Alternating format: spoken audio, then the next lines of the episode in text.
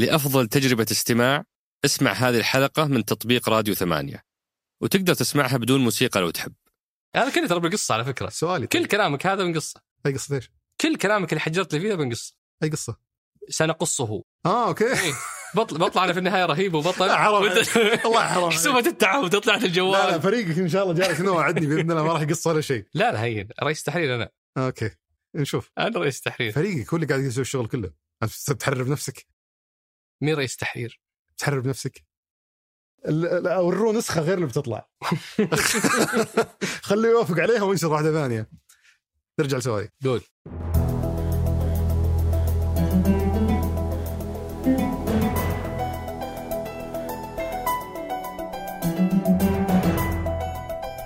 هذا سقراط من إذاعة ثمانية. وأنا عمر الجريسي أستضيف قادة التحول وقادة الأعمال وقادة الرأي. وأسولف معهم عن مستجدات ومستهدفات رؤية السعودية 2030 أم، ضيف هالحلقة هو محاور. إحنا كملنا 100 حلقة أو كملنا 99 وهذه الحلقة المية وبدل وقلنا ممكن إنها تكون فرصة حلوة نوقف ونسولف عن هالرحلة وبعض كواليسها وبعض آه، قصصها. بس بدل ما تصير سالفة من طرف واحد قلنا نستضيف محاور يحاور المحاور ونطلع بحلقة عن رحلة سقراط من الحلقة واحد إلى الحلقة 99 فاستعنت بصديقي مشهور دبيان ولذلك هذه الحلقة ليست عن قادة التحول ولا عن الرؤية وإنما هي عن رحلة بودكاست سقراط. أترككم مع الحوار. حياك الله أبو عبد الرحمن. يا أهلا وسهلا. أنا سعيد أول شيء إنك اخترتني أقدم الحلقة هذه. الله يعني يسعدك. كمتابع قديم للبرنامج. ما أقول إني تابعت كل حلقاته لكني متابع يعني على الأقل الحلقات اللي مهتم فيها. وممكن ندخل حتى قصتي كيف بديت أتابع البرنامج لاحقا. آه، بس سعيد جدا بتقديم الحلقة هذه لأنه ودي أتعرف أكثر على آه، آلية العمل في سقراط على تجربتك فيه على تفاصيل كثيرة سواء اللي قادتك إلى آه، تأسيس بودكاست سقراط مرورا بتجربتك فيه ووصولا إلى وين وين ناوي تروح في سقراط وتوسع خلينا نقول في المواضيع اللي تناولها وما إلى ذلك دخولك على بعض ضيوف سوالف بزنس امور على ترى مزعل الكل يعني مزعل الجميع شلون؟ يعني سوالف بزنس زعلان دخلنا على حقين رواد الأعمال عبد الرحمن زعلان لأن دخلنا على بعض أصحاب الفكر والتجارب الشخصية. ومرتدة دخلنا عليه برضو برئيس الهلال بس هو الفرق الوحيد إنه هو مبسوط ويدعم ويرتوت وأنتم عبد الرحمن تهاوشوني لا، مو. دخلنا على الجميع. شوف واحدة من اثنين يا إنك اليوم جبتني لأنك مقتنع في آه، يعني قدراتي الحوارية. أو هذه رشوة عشان تمشي لي الأشياء اللي راحت والاشياء اللي بتجي. أو النظام اللي مو بس أجيب ضيوفك اجيبك انت كذا استعراض قوة اللي أنا أسوي اللي أبي لا لا تشغلني. فبس سعيد جدا صراحة في آه، إنك أعطيتني الفرصة هذه. وخلني أبدأ الحلقة مثل ما تبدأ عادة مع ضيوفك في قصة شخصية. هذه من أحد أصدقائك. مم. يعني ذكر لي. بقول لك منه بعدين. أوكي. آه، اللي هو موضوع علاقتك مع التصوير. أنت شخص ما يعني توفر لحظة إلا تصورها. صح. توثق جميع اللحظات. آه، الشخص هذا قال لي حتى إنك أحيانا تحرص تطلع الناس اللي حولك بشكل آه، يعني غير. أتوقع عرفت من أتكلم عنه. ف وإنك تصور الصورة هذه مو بس تصورها وإنما حتى تأخذها وتأرشفها أوه. برا الجوال يعني ال- ال- البوم في جوال هذا فراس. صح؟ لا لا مو فراس آه أوكي واحد ثاني طيب ففراس لا فراس أعطاها وضعية اللي والله ما أذكر أنا عارف إنه عنده سواليف بس لكن واحد ثاني لأنه تكلم حاطلع بعض الصور اللي عنده بس اسلم. بعلم فين عشان تروح تبتز فيها لكن آه، كان يقول لي إنك تصور كل شيء كل شيء توثقه. سواء صور أو حتى أحداث يعني يومية توثقها الصور ما ما تبقى بالآيفون عندك تروح إلى أرشيف. الأرشيف هذا توزع فيه الصور بوش نوعية الصور هذه ومين وكيف ومدري إيش. شوي يخوف. فبدي أعرف لأنه بيدخلنا على موضوع التوثيق للرؤية وما إلى ذلك. أي. فبعرف بس وليش يعني وش الهوس هذا في التوثيق؟ مو بس بالصور حتى توثيق ال- اليوميات إلى درجة وهذا موقف صار معي شخصيا غير اللي قال لي أخويك. أي. انك ممكن إحنا نسولف تروح تفتح الجوال وتسترجع سالفة قلتها لك ورأيي. فيها إي وتقارنها برأيي الحين اللي هدي ترى أنا يتغير رأيي مع الوقت ما له داعي تمسك علي كل شيء فوش الهوس هذا في التوثيق اللي عندك؟ آم، الصدق إني لو تسألني بالضبط بالضبط وش ال- الشرارة اللي بعدها بدأت هذه الأشياء والله ما أدري لكن اللي أنا اللي أعرفه إنه في 2012 آه صار موقف فاضطريت إني أحذف تويتر. آه وأمسح يعني كل المحتوى وأطلع من كل الشبكات الاجتماعية. وكنت مرة فعال فيها. من أيام فيسبوك إلى آه، 2009 بعدين تويتر 2011 بعدين إنستغرام 2012 بعدين جت لحظة قررت إني خلاص آه، بطلع من كل شبكه اجتماعيه فعندك كذا فراغ لعادة تعودت إنك على مدى ثلاث أربع سنوات إنك آه، تنشر فيها بشكل مستمر تكتب وتنشر. وصادفت إني قابلت آه، الصديق البراء العوهري. كذا كان دائما البراء يقولون في واحد كاوست واحد آه، آه، البترول. أي واحد فيهم. فالبترول. أوكي. آه فقابلته وقعد يسولف لي عن تطبيق اسمه Day One آه على طول اخذت التطبيق وحملته وبديت أكتب فيه. صار هو العادة اللي تعوضني على سالفة إني ماني قاعد أكتب ولا أنشر في أي مكان. فبديت في جولاي 2013 أكتب يومياتي في هذا التطبيق. اعتقد أعتقد انه إنه سر انتظامي فيه بالذات أول ثلاث شهور لأن هي الفترة اللي ما بعد تكونت عادة فأنت ما ما في سبب إنك تستمر. كان لأني ما عندي أي بديل أكتب فيه محتوى آه. واذا يومك فاضي وش تكتب فيه؟ آم، يعني ما في ح- ما في يوم فاضي هي هي تعتمد على نظرتك أنت الأمور فالحدث اللي مثلا مريت سلمت على أمي آه، قابلت فلان كلمني فلان آه، أشعر بإني متضايق من الموقف الفلاني فكل هذه الأشياء الصغيرة أكتبها على شكل هايلايت رؤوس أقلام. حلو. آه بعد أربع شهور خمسة شهور من الكتابة اليومية آه خلاص صارت عادة. صرت أشعر بانزعاج لو ما كتبت هذاك اليوم. كذا في شيء في يعني عرفت لما تدخل مكتبك تلاقي أول شيء حوسة؟ آه في في كذا مشهد مزعج بالنسبة لك ولا؟ أنا نفس الشيء لو مر اليوم وما كتبت أحس إنه في شيء مزعج فأتغيصب وأكتبه لهالدرجة وصلت العادة من إنها مسيطرة علي. فرجعت بعد الشبكات تكتب الاجتماعية تفاصيله ولا تسلك؟ لا highlight غالبا highlight اليوم سيء. خلاص. آه لا اليوم سيء لأنه صار كذا وكذا. أوكي على الأقل يعني سطر سطرين يوثق اليوم عشان عش... وش السبب؟ السبب إني لما أرجع أقراها بعدين عندي قدرة إني أسترجع ال... ال... الأفكار الرئيسية والأحداث الرئيسية لأنه ذاكرتنا ترى فيها كل شيء. بس تحتاج الشرارة اللي تجيب لك باقي باقي الحدث. صح. فقابلت مشهور سولفنا عن الموقف الفلاني وصار الشيء الفلاني. بس هذا الحدث طبعا مثلا قابلته في في المكان الفلاني هذه ال- الرؤوس الأقلام ذي كفيلة بأنها تجيب لي ثلاث أرباع اللي سولفت فيه أنا أنا ومشهور وبعدها تحولت عادة فأنا من جولاي 2013 إلى اليوم ما في ولا يوم واحد في حياتي ما هو مكتوب فيه أهم أحداث حياتي أو أهم أحداث ذلك اليوم. وتخطط تستفيد منها ولا بس توثيق؟ آه أحس ال- ال- توجه إنك تطلع برواية مثلا بعدين ولا تطلع بقصه ميزتها خدمتني في شغلتين. الشغلة الأولى لما هالكلام 2013 فلما جت 2017 وتخرجنا من آه، المدارس اللي كنت أنا مسؤول عنها كان التطبيق هذا هو فرصتي بإني أرجع أستذكر بعض الأحداث وساعدتني في الكتاب. والكتاب الثاني اللي اللي شغال عليه الآن عن الخمس سنوات اللي فاتت من الرؤية برضو كانت المذكرات آه، أساسية جدا في محتوى الكتاب. والشيء الثالث في مكاسب حاصلة حاصلة تلقائيا بدون ما أنتظر آه، لين أكتب كتاب عنها اللي هي مثلا موضوع آه، آه، الذكاء العاطفي. يعني تتفاجأ بأنك أنت بعض الأحداث في حالات معينة أشعر إني منزعج أنا اليوم منزعج. انزعاجي وهو موجود في مخي غالبا حيكون غير مفسر ما أدري شلون ما أدري ما أدري إيش منزعج. لما أكتب إني منزعج تبدأ الافكار تترتب يبدأ المخ يحلل ليش أنا منزعج فأبدأ أستوعب إنه أنا منزعج لاني جوعان بكل بساطة. ما في شيء ما في شيء سيء في يومي بس أنا جوعان ولا أنا دايخ.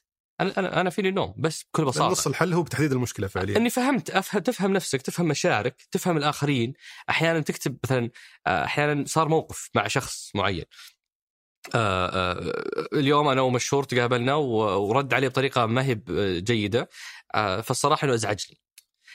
كتابة هالسطرين ذي رتبت الفكرة إنه التصرف مشهور أزعجني.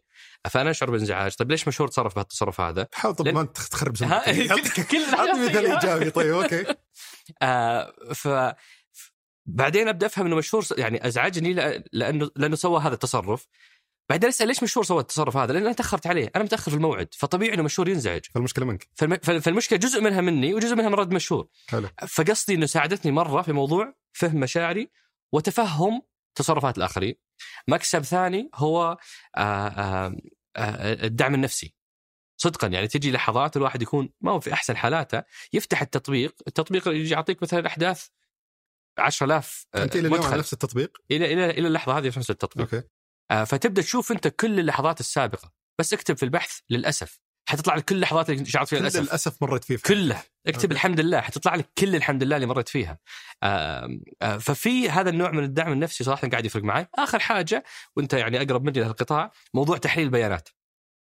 يعني تخيل لو قلت لك إنه في شيء واحد ممكن ينهي 80% من مشاكلك في الحياة. كم مستعد تدفع مقابل هذا الشيء. وش الشيء هذا؟ بغض النظر عن هذا وش هذا الشيء. لو قلت لك يعني أكيد بيكون ثمنه؟ قيمته عالية بالنسبة لي فممكن أدفع جدا. يعني. فأنا مثلا كتبت في في التطبيق آه مشكلة. فطلعت لي كل التدوينات اللي كتب اللي عشت فيها مشكلة. كانت هذه مرتبطة بشخص معين. آه اتضح لي إنه 80% هي مع هذا الشخص عن موضوع معين عن جانب محدد. آه فبكل بساطة تنازلت عن قناعاتي تماما واستسلمت وأعطيته اللي يبي وتخلصت يعني من 80% من مشاكل حياتي تخيل. 80% من مشاكل حياتي بسبب تحليل البيانات الناتج عن إني أنا قاعد أكتب صار لي 10 سنوات إيش أكثر شيء قاعد يزعجني في حياتي. آه فحتى لو مثلا هذا الأمر الواحد أحيانا يحس لا لازم أقاوم لازم أتمسك برأيي ولا أتمسك بقناعتي. لا لا لا. إذا الثمن هو إني أرتاح من 80% من مشاكلي فالموضوع يستاهل. فتخيل تحليل البيانات لما يتراكم. اليوم اليوم قاعد أكتب مثلا آه طولت أنا اسف بس الموضوع مرة مرة أنا شغوف فيه لا. برنامجك عادي. راحتي صح على كيفي. جدي آه فمثلا آه أبنائي مثلا أحس إنهم حيسألوني لما يكبرون وش نحب وأخشى إني ما أعرف وش الجواب فمن اليوم أي شيء يحبون أكتبه بس احس إنك يعني ما تحس إنك قاعد تحول نفسك إلى آلة يمكن أكثر. يمكن تجي يعني- اللحظة اللي يصير في أجهزة حاسوب تستوعب هذه البيانات فأحولها إلى هذاك الحاسوب وأبقى خالدا للأبد لا لا اي لا لا لا لا ممكن قصدي. تدعم كلامي الحين أكثر بس ما تحس إنه البساطة بعد لها. قيمة أكثر؟ يعني فيه بس وش المشكلة فيها؟ المشكلة ان أنت برضو بعد من, من يعني من نعم الله علينا ننسى الأشياء اللي تصير لنا فحلو التوثيق اللي يساعدك في إنك تحل الواقع الأشياء. ان ترى مو قاعدين ننسى. الحقيقة اللي لو جلست مع أخصائي نفسي حيقول لك إياها إحنا مو ننسى إحنا نرمي ورا. وتبدأ هذه تتعلق في ظهورنا وتتراكم وتتحول إلى عقد وتتحول إلى أشياء تطلع لك بعدين لاحقا لأنك ببساطة أنت ما نسيت أنت رميت وراك. بس ما أعتقد صحي بعد تقعد تنبش كل ما صار شيء. آه لا مهم إنك أنت تقفله بالطريقة الصحيحة. أي شيء ما تقفل بشكل صحيح ترى بيطلع لك لاحقا بطريقة مزعجة في توقيت ما أنت مستعد تتعامل معه. فالتوثيق في هذه الجزئية جزئية الأحداث السيئة قاعد يساعدني إني أقفلها بالطريقة على الأقل اللي أبغى أقفلها فيها. ممتاز. أنا بجيك على جزئيه ثانية تخص التوثيق مرتبطة بالرؤية. أي. بس ودي أعرف أول شيء سبب اهتمامك بالرؤية من البداية. أوه. اللي قادك في ال... يعني في نهاية المطاف إنك تبدأ البرنامج هذا. صح. وش السبب اللي خلاك تهتم فيها؟ يا أخي هذا مرة مرة سؤال مهم. وأعتقد إن الناس آه، مهما قلت لهم إني أنا مهتم ومقتنع باللي قاعد يصير تصديق هذا الحجم من الاهتمام مو مرة سهل. إيه مش مشبوه شوي. إي مشبوه جدا. آه بوريك رسالة أتوقع إنها مرة آه بتفيد. شوف يا طويل العمر آه وأبغاك أنت تقرأها على الناس طيب. من مين رسالة؟ رسالة بعد ما تقرأها بس اقرأ أول paragraph يا ساتر أه وين المقترح الثاني؟ أي. لا. المقترح الثاني المواطن السعودي يفتقد الحلم الكبير الذي يجمع أبناء الوطن ربما يكون هناك خطة للدولة لكنها بالتأكيد ليست معلنة بشكل واضح ولا نشاهد الجميع متى تاريخ الرسالة هذه؟ أه أطلع فوق ولا أي أه 25 1 2015 25 1 2015 وش هذا التاريخ؟ وش التاريخ هذا؟ هذا بعد وفاة الملك عبد الله يرحمه بيومين. الله يرحمه كله. توفي أعلنت وفاته 23 يناير. 25 يناير. رسالة طويلة بس من مرسلها له بدون ما أذكر اسمه؟ أنا مرسلها لمعالي الأستاذ بدر عساكر. حلو. كنت في لجنة شوف آه، حق التنظيم فعالية شوف آه، فاجتمعنا. كان عندنا اجتماع مجدول فاجتمعنا في ذاك اليوم. فقابلته هو آه، سكرتير آه، آه، آه، أو مدير المكتب الخاص للأمير محمد آه، فيعني أنا أنا جواتي شعور متراكم على مدى سنوات بأنه في تحديات موجودة في البلد، تحديات اقتصادية، هيكلنا الاقتصادي ما هو مستدام، في مشاكل واضحة آه، وفي فرص غير مستغلة، أغلب علاقتنا بالبلد هي ماكينة ناخذ منها فلوس ونطلع نسوي كل شيء برا البلد. ففي مشكلة واضح إنه بالنسبة لي ما في خطة واضحة للبلد. فيوم جاء الحدث هذا وقابلت هذا الرجل آه، قلت له تسمح لي ارسل لك رسالة، أنا أشعر بأننا عهد جديد فعندنا فرصة نفكر بشكل مختلف. فجزاه الله خير قال لي أبد آه، بكل سرور.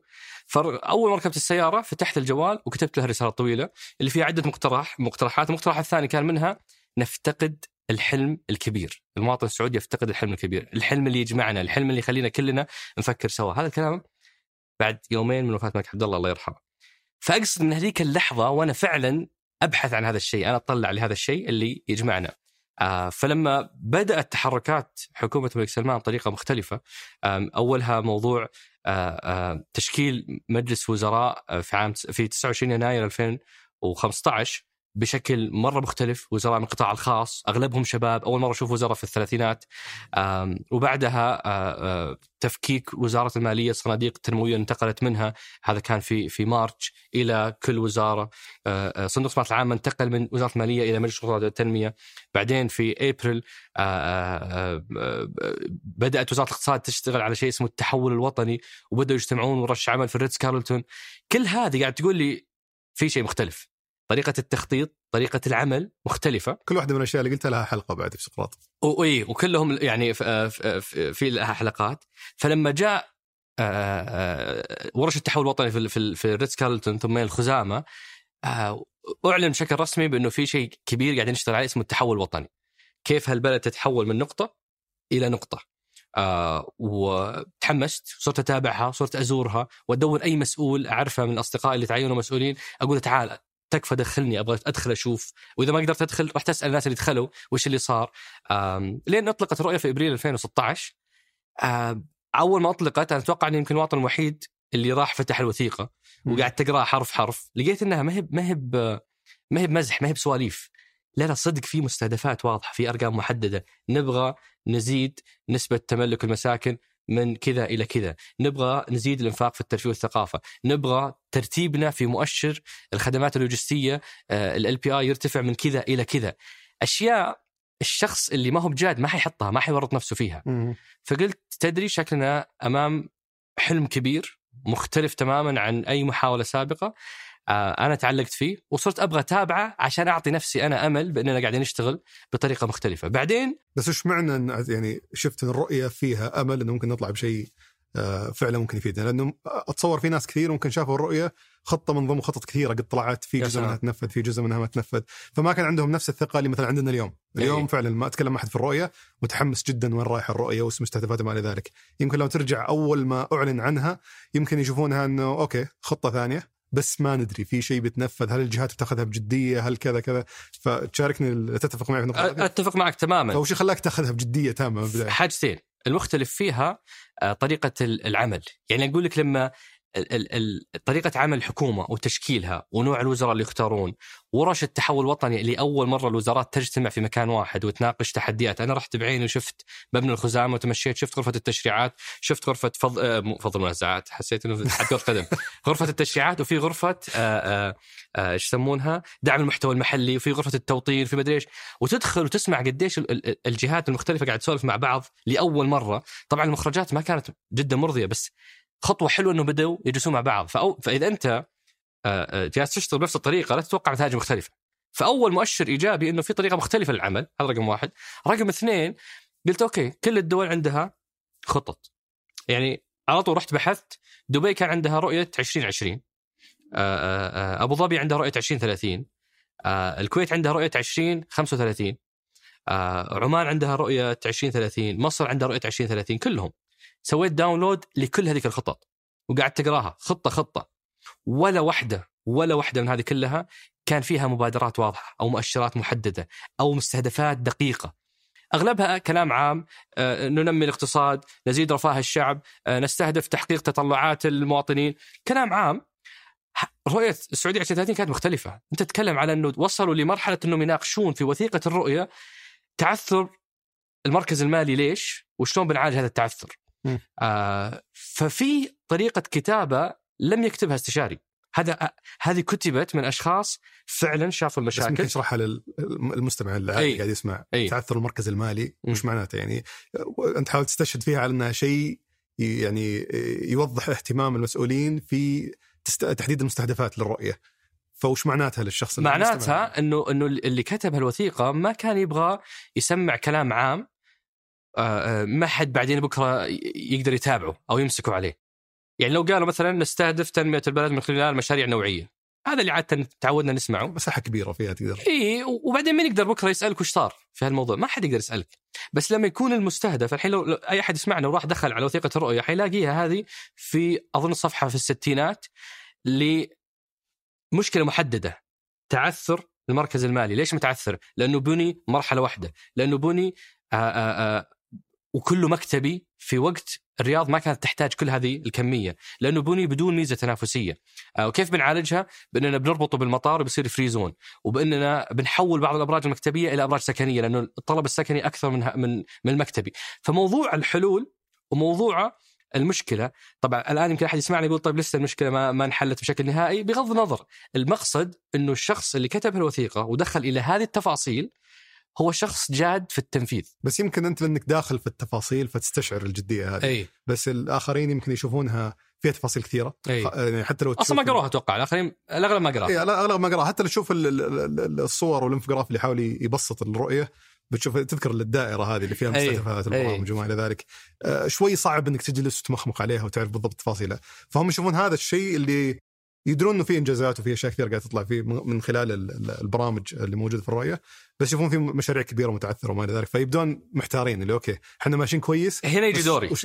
إيه بالضبط. هنا يجي دوري بإني يوم شفت الفجوة ما بين لغة الرؤية النخبويه جدا وبين آه، آه، المجتمع اللي كان يبغى يفهم قصة بشكل مبسط وميسر فبديت أشتغل على الموضوع هذا بإني أنا بديت تدوينتي الخاصة. يعني كنت بسألك هل هل كان مدخل أصلا؟ بالضبط. ليش؟ لأنك أنت وجدت شيء يعطيك أمل فتروح المجالس تسمع تشاؤم فتبدأ تقول للناس لا لا ترى في شيء صاير.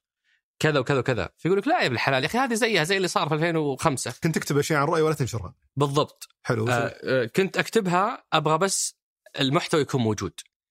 أبغى أعرف آه أبغى أبغى يعني أنا مد كنت مدرك إنه ح- إنه هذه القصة حتوصل لنقطة آه جدا مهمة.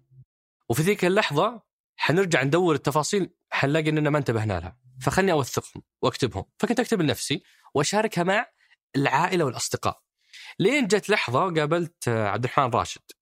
آه تعرف. معروف. أوه. آه فكنت أوريه المدونة واوريه الأخبار. قال عمر جهد غير عادي جهد جبار. آه بس ليش آه ليش مو منشورة؟ قلت له يا أخي آه الصدق إنه آه أنا يعني مقابلة الجمهور تخوف وما تعرف إيش ردة الفعل. خصوصا بأن الناس آه قد لا تتقبل منك طرح آه وأنت مثلا ما تتعرض لنفس الضغط الاقتصادي اللي تتعرض له مثلا شريحة متوسطي الدخل آه بحكم إنك من من أسرة ميسورة. فقال طيب هذا صحيح. قلت شلون صحيح؟ قال صحيح أنت ما أنت ما تتعرض لنفس الدخل اللي الضغط اللي يتعرضون له بس هذا لا يمنع إنه عندك محتوى يستحق أنك تشاركه مع الناس. أنا يسموني كذا عطى نفسه مصطلح فكري وهم صادقين. أنا كذا. فهذا ما يمنع اني أطلع وأكتب مقالاتي واشاركها. فالصراحة إنه شجعني على إني أوكي وش المشكلة؟ إنك تطلع باسمك الصريح وتشارك قناعاتك وتشارك أفكارك. بعض الناس ما حيتقبلونها لأنك ما أنت مثلا آه، من نفس ال- ال- المجتمع. عادي يكلمنا مو حاس فينا إي مو حاس فينا وفي ناس حتتقبل. وما حتنظر لوضعك الاجتماعي حتنظر لكلامك حتقيم كلامك. فخلاص أنت إذا تقدر تخدم هذول اخدمهم. فهذه كانت واحدة من نقاط التحول في طريقة تفكيري مع المحتوى. وكان أول شيء البودكاست ولا كان؟ لا أول شيء كان ال- السناب شات. حلو. آه السناب شات كان بس للأهل والأصدقاء 50 شخص. وكنت يعني ما زلت متردد وقتها. ها؟ ما زلت متردد مو متردد محسوم إنه ما حم- انه إنه بس آه، آه، يعني للدائرة الضيقة. حلو. آه و- وكان يعني كنت أتعب أتعب. يعني حرفيا لما مثلا ينزل برنامج جوده الحياة لا برنامج الحياة بعد ما فتحت ال account مثلا لما آه أطلق برنامج التحول الوطني وقتها كان ال account مغلق. قريت الوثيقة كاملة لخصتها بسطتها لل- للعائلة والأصدقاء وشرحتها في سناب شات. كانت سنابات 13 دقيقة قعدت ساعة أحضر لها. فجهد غير عادي بس هو جزء من شغفك بإنك تفهم القصة هذه وتبسطها للناس. بعدين كل ما أحد شافني من 50 صديق قال يا أخي افتح ال account إحنا قاعدين نسمع في المجالس كلام مختلف عن اللي انت قاعد تقوله. الناس ما وصلتهم الفكرة هذه. الناس ما ما انتبهوا للشغله هذه. فأقول لا ما أبي آه، الضغط هذا. م- يكفيني إني الدائرة المحيطة بي على الأقل يفهمون اللي صاير لأنه في risk عالي إنك أنت تفتح ال- ال- التواصل مع مع عموم المجتمع. ولين جلست مرة مع صديق عادل رجب. وهذا أنا مدين له بالفضل في كل شيء يخص المحتوى مدين لهذا الرجل. لأنه مسكني على جنب في آه، آه، 8 March 2018 بعد أربع سنوات من متابعة الرؤية في المدونة وفي سناب شات القناة آه، آه، الحساب المغلق. قال لي عمر أنا ما شعرت بتفاؤل في المستقبل إلا من متابعة سناباتك. والجهد اللي تسويه يستحق إنه يوصل لشريحه أكبر فيا ريت تفتح الحساب حقك. فقعدنا نتجادل وحاولت إني أرفض أصر آه وقررت إني يعني تحت الحاحه اني آه إني أبدأ الحساب المفتوح ففتحت الحساب وصرت وصادفت إنه بداية إطلاقات الرؤية. فأول ما فتحت الاكونت في 15 مارس أظن آه بعدها بأسبوعين أطلق أكبر مشروع طاقة شمسية اللي هو مشروع 200 جيجا. حلو. فلخصته للمجتمع. بعدين في إبريل أطلق برنامج آه، آه، تطوير القطاع المالي. ولخصته للناس. بعدين برنامج تخصيص أو أو قبل أو بعد في ذيك الفترة. بعدين برنامج جودة وجدت حياه الردود اللي كنت تخشاها طبعا. جت الردود اللي كنت اخشاها وجاء الأثر اللي كنت أفرح فيه بأنه في أشخاص بسطت لهم الفكرة شرحت لهم الموضوع آه، قربتهم من الرؤية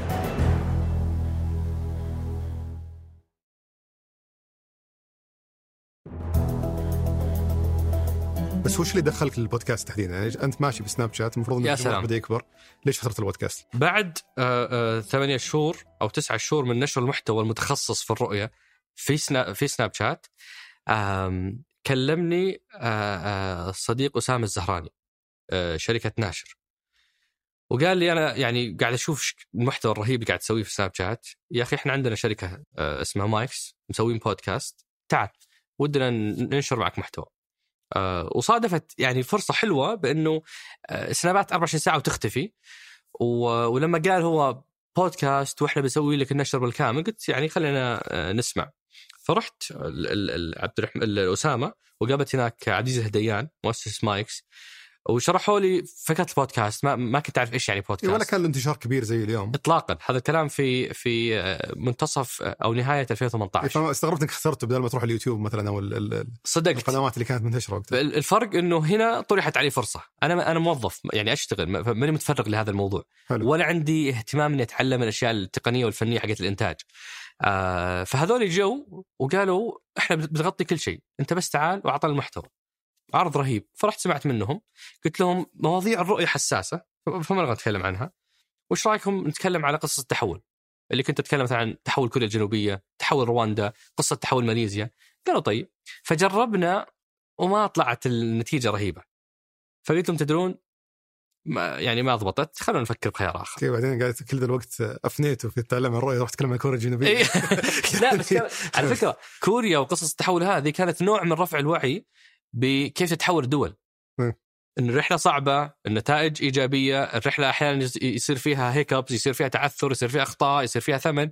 فكان هذا جزء من رفع الوعي برحلات التحول عموما. حلو. توعية من وراء التريلات. من وراء التريلات. حلو. فنومنا الموضوع هذا. بعدين تطورت الأحداث إلى إنه صرنا صرت في سناب شات أسوي مقابلات. يجي مثلا آه، نوف النمير أتذكر أول واحدة الدكتوره نوف قابلتها عشر محطات في حياتك. فصورتها في سناب الناس حبوها انبسطوا عليها. قلت ليش ما أكمل على السلسلة هذه؟ آه، فكلمت سلطان موسى. قلت له نبغى نسوي آه، عشر محطات آه، مع سلطان موسى. قال لي آه، okay. صارت له ظروف صحية فما أمدانا. آه، فبعدين قلت آه، تدري سلطان ورا ما نخليها حلقة. مقابله بدل ما هي سناب شات حلقة وتستمر للأبد. قال ليش لا؟ كلمت آه، مايكس قلت لهم إيش رأيكم إنها مقابلات؟ برنامج مقابلات؟ قالوا ممتاز. آه، سلطان ظروفه ما سمحت له الله يعينه فحولت على طول على هيثم. كلمت هيثم هيثم صديق دراسة و- وشريك في business سابق وبيننا علاقة رهيبة فقلت له هيثم لازم توافق ما هو على كيفك فجزاه الله خير يعني بحق الصداقة قال تم. فالتقينا آه وصورنا أول حلقة بودكاست سقراط. حلو. مع هيثم خالد. كانت عشر محطات من حياة هيثم. حلقة رهيبة وصورنا وخلصنا يوم خلصنا قلنا يلا صورة تذكاريه ليش سقراط؟ سؤال جيد. يعني أنا مرة إنسان عملي ولا أدخل في تفاصيل بناء ال brand وال details اللي الناس الشاطرين يسوونها. كان الشباب يسألوني وش اسم البرنامج؟ قلت لهم أنا آخر عيارة يعني الشباب يعايروني فيها هي سقراط لاني اسال كثير. okay. فخلاص سموه سقراط. أكيد لا تسال كثير. ها؟ يعني وا- واضح إن في الحلقة دي ما أسأل كثير ها؟ لا، ما. تسال كثير بس سقراط أحس إنه يقول على واحد فلسفه آه، يسأل كثير بطريقة فلسفية. okay حلو. بطريقة يعني أحيانا مو بلطيفة فهي عيارة أكثر من إنها مدحة. تمام. فقلت لهم خلاص سموه سقراط عادي. آه قالوا اللوجو فاخترنا لوجو يعني تمثال. إذا ذكر اللوجو القديم نفس تمثال سقراط بس إنه آه. لابس headset بطريقة مرة عادية. ما التفاصيل دي ما هي مره تعني لي كثير. آه فهذا هذا سبب التسمية. صورنا الحلقة. استطراد صغير أتذكر حتى لما صورنا مع مع معالي ماجد الحقيل كان يقول ليش سميت سقراط؟ فأعطيته القصة هذه. فالتفت لفريق ال communication حقه. قال شفتوا ترى ترى الأشياء هي اللي تضيف للمسميات. هو كان أول. ضيف رسمي لسقراط؟ لا لا في ضيوف قبله كثير وفي لا ضيوف اتكلم عن. اللي كانوا من خلال ال- ال- يعني إذا بنسميها توعية عن الرؤية وش- ممكن تسمي البداية حقت؟ كانت توعية عن ال... لا هو لا لا متأخر متأخر جدا من ضيوف الحلقات 70 أو 80 حلو. من من البداية مع مين كانت؟ البدايه بجيك الحين. حلو. حبة حبة. أنت عجل. مو بعجل أنا بمشيك ما واضح. شيء ما ورانا شيء أنا, أنا رجل أمشي على المسار الخط الزمني للبرنامج. أوكي. أم لا ال ال ال هذا استطراد على جنب إنه لما صورنا معاه كان يقول الفريق حقه إنه ترى الأشياء هي اللي تضيف.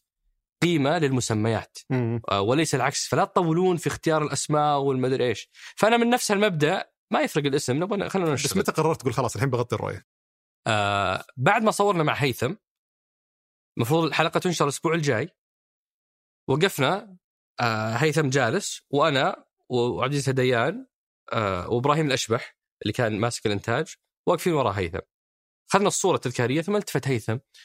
قال آه عمر يعني حوار حلو بس وش فرقك على البرامج الثانية؟ رمى قنبلة قعدت اسال نفسي صدق وش فرقي؟ يعني زيك زي أي برنامج حواري آخر. قلت والله لا إحنا عندنا عشر محطات وال structure حقنا كويس إلى آخره، قال okay بالتوفيق وطلع. ما نمت ذيك الليلة. يعني فعلا حسسني بأنه العرض حق يعني برنامجنا ما في قيمة مختلفة أو ميزة تنافسية. ثم قلت لحظة يا أخي وش الشيء اللي ما في ولا أحد في السعودية عنده مثل قدرات عمر فيه؟ الاهتمام بالرؤية. صار لي ثلاث سنوات بس إيش أتابعها اللفة الطويلة ذي؟ يعني أنت من البداية تو- وأنت ماخذ الموضوع توعيه عن ال... لا بس كان حساس الموضوع إنك أنت تتكلم فيه يعني مايكس كانوا مقترحين talk show حلو بس أنت أنت قبلت بالفرصة أصلا كوسيلة للتوعيه للمحتوى. الناس اي مو للمحتوى لتوعية الناس هذا اللي فهمته على الأقل صحيح فليش تقبل فيه إذا ما راح تتكلم عن الرؤية؟ كانت عبارة عن تجريب أفكار قاعد تجرب أنت آه okay أنت بتوعي على الرؤيه في سناب شات بس في البودكاست ممكن تسوي مقابلات. نجرب. تفكير بصوت ما له. علاقة بالرؤيه ما له علاقة. لين هيثم قال الكلمة هذه فرجعت فكرت قلت أوكي إني أتكلم توك شو عن الرؤيه هذا حساس وخطير. وإني أسوي مقابلات مع ناس ما لهم دخل بالرؤية ما هو بالشيء اللي أنا حساس وخطير؟ لأنك تتكلم على إجراءات وتغييرات. قد يكون اليوم الحديث عن شيء مقبول بعدين يجي في لحظة ثانية أو لحظة متأخرة إنه ما هو مقبول تحكي عنه أو أو هذا الرأي ما هو مناسب. فما تبغى تسبب لأي أحد ضرر أو لنفسك. آه ف ف فنرجع نلخصها تتكلم توك شو عن الرؤيه في ريسك. تستضيف أشخاص ما لهم دخل بالرؤية؟ ما هو بأنت. طيب خلينا نجمع الثنتين. إنك تستضيف أشخاص عن الرؤيه. فقلت تدرون هذا هو برنامجنا. إنه إحنا نقابل مسؤولين ونسألهم وش صار في الرؤية، وش صار في المستهدف الفلاني، وش صار في المبادرة الفلانية. فهذه آه سر ومن أول مسؤول بديت معه آه حلو. أول مسؤول آم، كان آه باسم السلوم. وعلى فكرة والله توقعت إنك بتنط وبتختار اللي بعده على طول بس بس تعرف إيش صار مع باسم؟ وش سبب اختيار باسم؟ آه كلمت شخص آه، مع تق- كامل تقديري وحبي لك يا أبو المها. كلمت شخص وقلت له لأن أنت بتقابل مسؤولين فما أدري شلون تبدأ برنامج رسمي حكومي ما عندك موافقة. مايكس قالوا ترى هذه مسؤولية فروح شوف أحد يعتمد لنا. آه، فكلمت آه، أحد الأشخاص اللي له علاقة بالقطاع الإعلامي. قلت له ودنا نسوي برنامج آه، ونستضيف مسؤولين.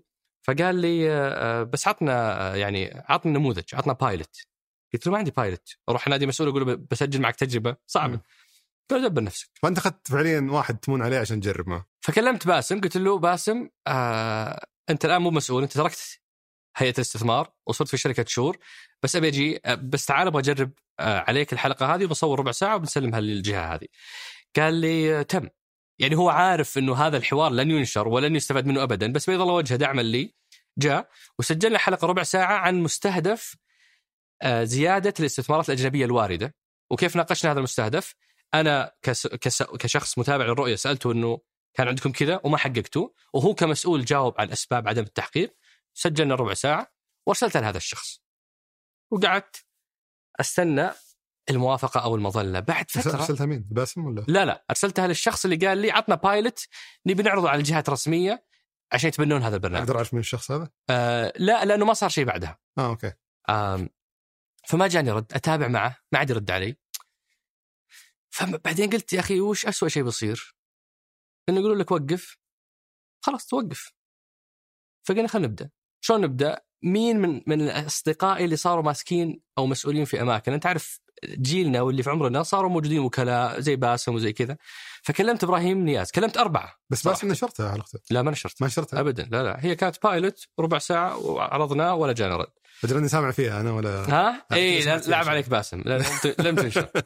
آه بعدين آه آه يعني آه جت ال ال قبل يعني في أربع أشخاص كانوا أو خمسة م- مسؤولين في جهات حكومية وكيل نائب آه، مدير عام مدري إيش. كلمتهم كلهم رفضوا. إبراهيم نياز كان مدير أداء رفضوا ليش؟ يعني معليش وش الحافز إني أطلع في برنامج مغمور ما عمره احد طلع فيه؟ وأخذ risk إني أقول كلمة و... و... و... وتكون يعني ح... علي... علي فيها مسؤولية. فما في أي مكاسب وفي مخاطر عالية ليش أطلع؟ حلو. صراحة ما يلامون فرحت لإبراهيم نياز. زرته في مركز اداء إبراهيم أنتم قاعدين تسوون شيء عظيم. عظيم مو بلازم إنه نتائجه ظهرت بس المحاولة نفسها عظيمة. خلنا نوثقها لهذا الجيل والأجيال القادمه القصة حتكون غير عادية. وبعد خمس سنوات حنلتفت ورا وحنلاقي ما حد حكى عنها ولا حد وثقها. فبهذا ال- الطريقة في العرض أقنعته بأنه ترى هذا مسؤولية وطنية. لازم أنتم اللي تشتغلون على الرؤية توثقونها تساعدونا في إننا نحفظها. فقال تم. فكان إبراهيم هو أول ضيف سجلنا حلقته في سقراط ونشرناها في يوم 12 إبريل 2019 أول حلقة في بودكاست سقراط. كيف كانت ردود الفعل؟ أوه رائعة. رائعة جدا. والسر صراحة هو أنك أنت آه، عندك الشريحة المستهدفة. يعني الأصدقاء في سناب شات كانوا هم المتابعين. آه، و- بعد ما فتحت الحساب وصار اي وعلى مدى السنة كاملة لو أنت تتكلم عن الرؤيه بس فما ما تجمع عندك إلا اللي مهتمين بهذا الموضوع واللي عارفين شلون أنت تطرح وعارفين خلفيتك وعارفين كل التفاصيل حقتك. فلما نزلت الحلقة هم اللي نشروها مباشرة إحنا ما بدينا من الصفر. إحنا بدينا بهالأصدقاء اللي على طول صاروا هم جمهور بودكاست سقراط. وصاروا هم اللي يعطوني الأسئلة. فإحنا قبل كل حلقة نعطيهم رابط فيعطوني فبعضهم يشتغل معاه فأعطانا أكسس على معلومات ما هي موجودة أوكي. آه، عندنا. وهكذا. ف... فالأصداء كانت خرافية. إلى الآن على طار التوثيق إلى الآن عندي آه، آه، في في ملف الصور آه، ملف خاص بردود فعل الحلقة الأولى. آه، آه، أوكي. على على سقراط. يعني كانت فعلا تعني الكثير لأنها آه، آه، أعطت دفعة رهيبة. آه، فشوف هنا. لما ندخل على سقراط حتلاقي آه، شوف لقاء إبراهيم نياز. آه، حتلاقي كل ردود الفعل اللي وصلتني آه، محتفظ فيها. يعني كانت رسائل رهيبة. آه، أعطتني دفعة حلوة. وبعدها كملنا. حلو ك- اليه اختيارك للضيوف تحس اجاباتي طويلة بس ترى أنا متحمس أنا مبسوط. أنا ما قاطعك أبد عكس لما تسوي مع ضيوفك. لا ترى حتى أنت تقاطع. أنا قاطع. كثير- أيوة، يقول لك. تقاطع. أنا عندي عذر انت خلهم يتكلمون يا أخوي. على السيرة ذي وش تبغى اختصر أكثر ولا أموري تمام؟ لا لا تمام تمام عليك أوكي على سيرة ال- المقاطعة مم. أنا طبعا يجيني انتقادات في برنامج على الموضوع هذا صح. بس ودي أسمع ردك بشوف هل هو نفس نفس إيه. تبريري ولا لا إيش؟ ليه ليش تقطع الضيوف وبرجع بنرجع أنت إيش ثانية. تقاطع ضيوف طيب؟ آه أنا الضيوف يطلبون مني غالبا وغير كذا أنا عندي يعني خلينا نقول خط زمني يحتاج أمشيهم فيه أو محاور معينة يعني أنا راس أحس اني راسم الحلقة في مخي بطريقة معينة آه وممكن تتغير خلال الحلقة بس إني أحاول امشيهم على ال- التصور هذا ويشكروني عليه بعد الحلقة لأنه ما يبون يستسهلون أي. زي ما أخليك الحين بس كذا يعني مقدرك الان حلقة خاصة حلقه 100 و- وبعدين أنا جايبك مقهويني آه. ف ليش لا. تقاطعهم؟ أنا بالنسبة لي في في سببين آه، آه، في سبب صحيح وسأستمر فيه وفي سبب ما هو صحيح ودائما أحاول أتعلم اني ما أستمر فيه. السبب الصحيح لما لما الضيف يروح لمنطقة مختلفة. على قولتك أنا مسؤوليتي اسمي مدير حوار. مسؤوليتي إني أدير الحوار وأتدخل في اللحظة اللي الضيف راح لمنطقة ما تخدم الحوار ولا بدأ ببداية دبلوماسية أنا عارف إنه حيزحلقني بختصرها علي وعلى المستمع بإني أرجعه للمنطقة اللي أنا محتاج آه، آه، إجابته فيها. فهذا دوري كمدير حوار وسيستمر وسيستمر اقاطع لما أشوف الضيف راح لمنطقة ما تخدم المنتج النهائي النقطة اللي تعتقد إنها صحيحة، وش اللي تعتقد اللي مو صحيح؟ إنه أنا أحيانا أندمج في الحوار أحس كأني قاعد في المجلس. حرفيا كأني قاعد مع الرجال هذا في المجلس. فيجي في بالي سؤال فأطمر أسأله. بحماس بريء ناتج عن إني اندمجت في الحوار. هذه خطأ. هذه مفترض أوقفها مفترض أقلل منها لأنها فعلا تقطع حبل أفكار ال- ال- الضيف أحيانا. ف- فهذا ممكن تقلل من متعتك في التصوير. ويحدث إنك ذلك. تصير ماسك نفسك يحدث ذلك صدق. إنه أحيانا أنت ودك تعلق ودك تتكلم ثم تتذكر إنه الناس سووا شوك. مم. لا تقاطع فتقعد ساكت كذا كأنك واحد مؤدب. آه لأنها بس من حقهم. لأنه في النهاية هو هو المستفيد النهائي من هذا المنتج. فتبغى تنتج ما انت عندك هدف بعد تب- تبغى تأكد إنه يوصل. صحيح.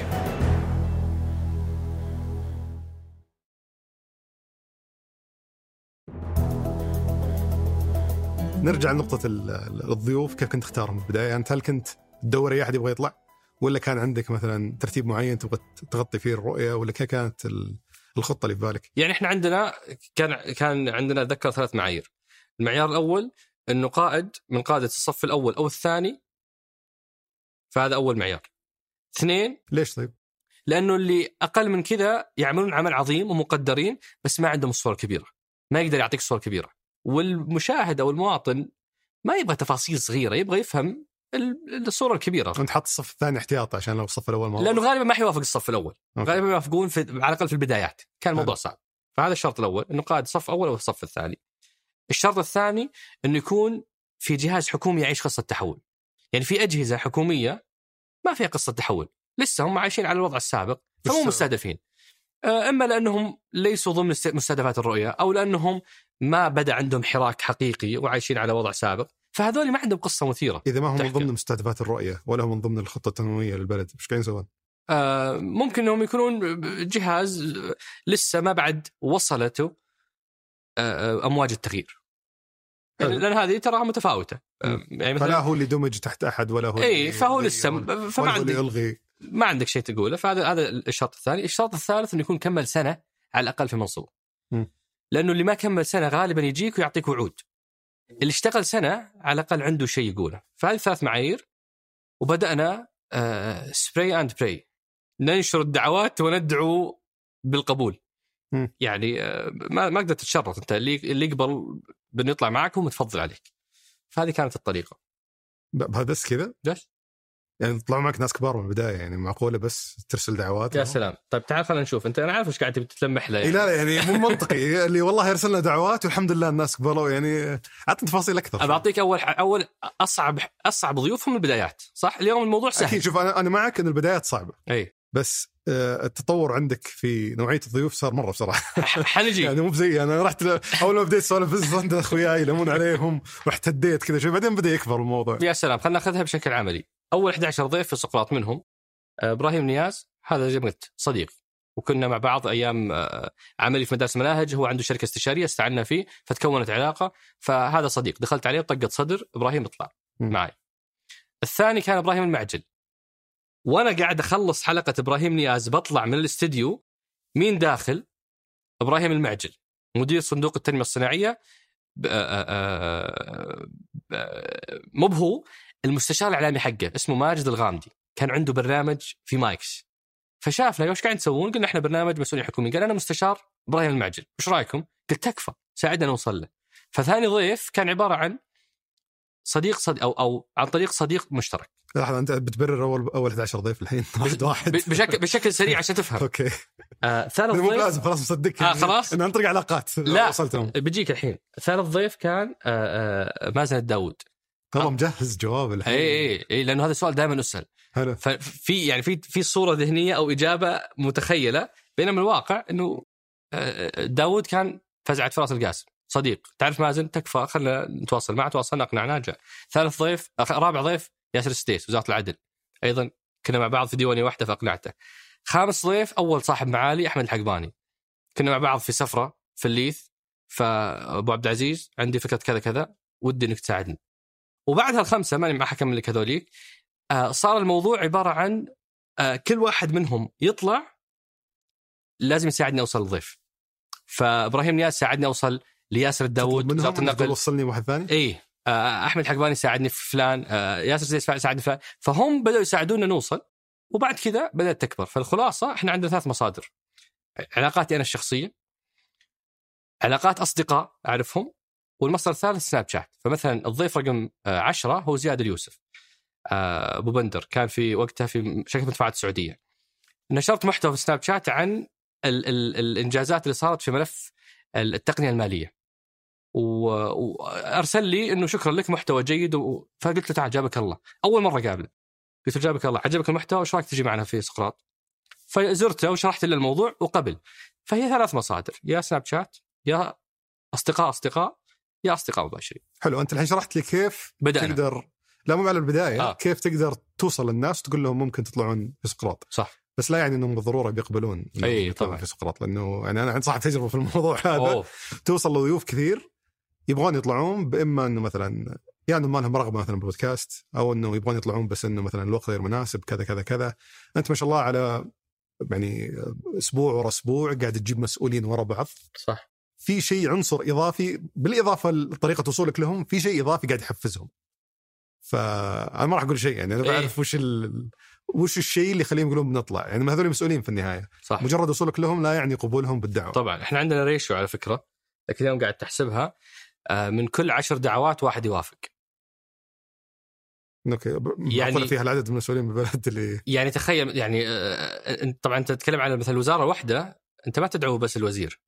الوزير النائب خمسة وكلاء مدير عموم هيئة تابعة للوزارة. ترش على الجهة كذا. فأنت تبدأ تحاول هنا ما ضبط تحاول هنا ما ضبط تحاول هنا. فإحنا إذا اليوم مع نشر الحلقة سجلنا مع 99 ضيف تأكد إن أرسلنا ما لا يقل عن 990 دعوة. والله مختلفة. غير اللي نرسل له أكثر من دعوة ونتابعه فالموضوع فعلا فعلا مضني وكمية الدعوات اللي ترسل مهولة وفي جهد غير عادي من الفريق في إننا نحضر ونرسل هالدعوات. فيعني نسب ال- النجاح اللي يشوفونها الناس يقف خلفها عدد دعوات ومحاولات مهولة جدا آه، آه، فهذه الريشيو اللي أنت تسأل عنها وش يقنعهم إنهم يطلعون؟ آه، دا دائما عندي يمكن حاجتين تساعد في الإقناع، الحاجة الأولى هي المسؤولية الوطنية. يا أخي أنت قاعد تسوي شيء أنت إذا أنت مقتنع إنه شيء عظيم تعال احكي للناس. الناس الناس مفصولة عن عن اللي قاعد يصير واحيانا هذا الشيء مؤلم. فيا أخي تعال اشرح لهم إيش قاعد يصير، تعال جاوب على تساؤلاتهم، هذا حقهم عليك، هذا حق المجتمع عليك وحق الأجيال الجاية انها تفهم إيش قاعد يصير. فهذا المدخل الوطني كثير ما ينجح. كثيرا ما ينجح. ال- ال- ال- النقطة الثانية هي آه، آه، عن طريق ضيوف سابقين فلما تخيل أنا أكون ضيف طلعت مع سقراط فغالبا مريت بكامل التجربة وشفت قديش هذول ما عندهم أهداف جانبية ما يبغون إثارة ما يلقطون كلمات أخطيت فيها ويروحون يبرزونها ويركزون عليها ويسوون إثارة من وراها لا ناس فعلا وطنيين لما يشوفون شيء في ضرر علي ولا على الجهة مستعدين يحذفونه يستبعدونه ففي منطقة آمنة أنك تجي فيها أنت المسؤول وتتكلم بطريقة أريحية. آه فهذا سبب ثاني يساعد في الإقناع. أتوقع النقطتين هذه يمكن أكثر حاجتين أقنعت وش. التحضير اللي تمر معهم فيه؟ مع مع كل ضيف قبل ما يظهر في الحلقة. حلو. متأكد كلامك مقنع بس أحس إنه برضو أنا لو إني مسؤول ماني بكون مرة مطمن إني أطلع في بودكاست خاصة إذا ما كنت مكثر من الظهور الإعلامي صح. وما عندي المهارة هذه. فكيف أطمن إني إذا طلعت في بودكاست سقراط؟ آه ما راح أنفصل بكرة. لإني قلت شيء مثلا غلط ولا شيء أثار الناس ولا صح. ايا كان ال... آه الصدق ان إن إحنا مثلا هذه هذه مرت مرحلتين، المرحلة الأولى إنه كنت أجلس مع كل ضيف.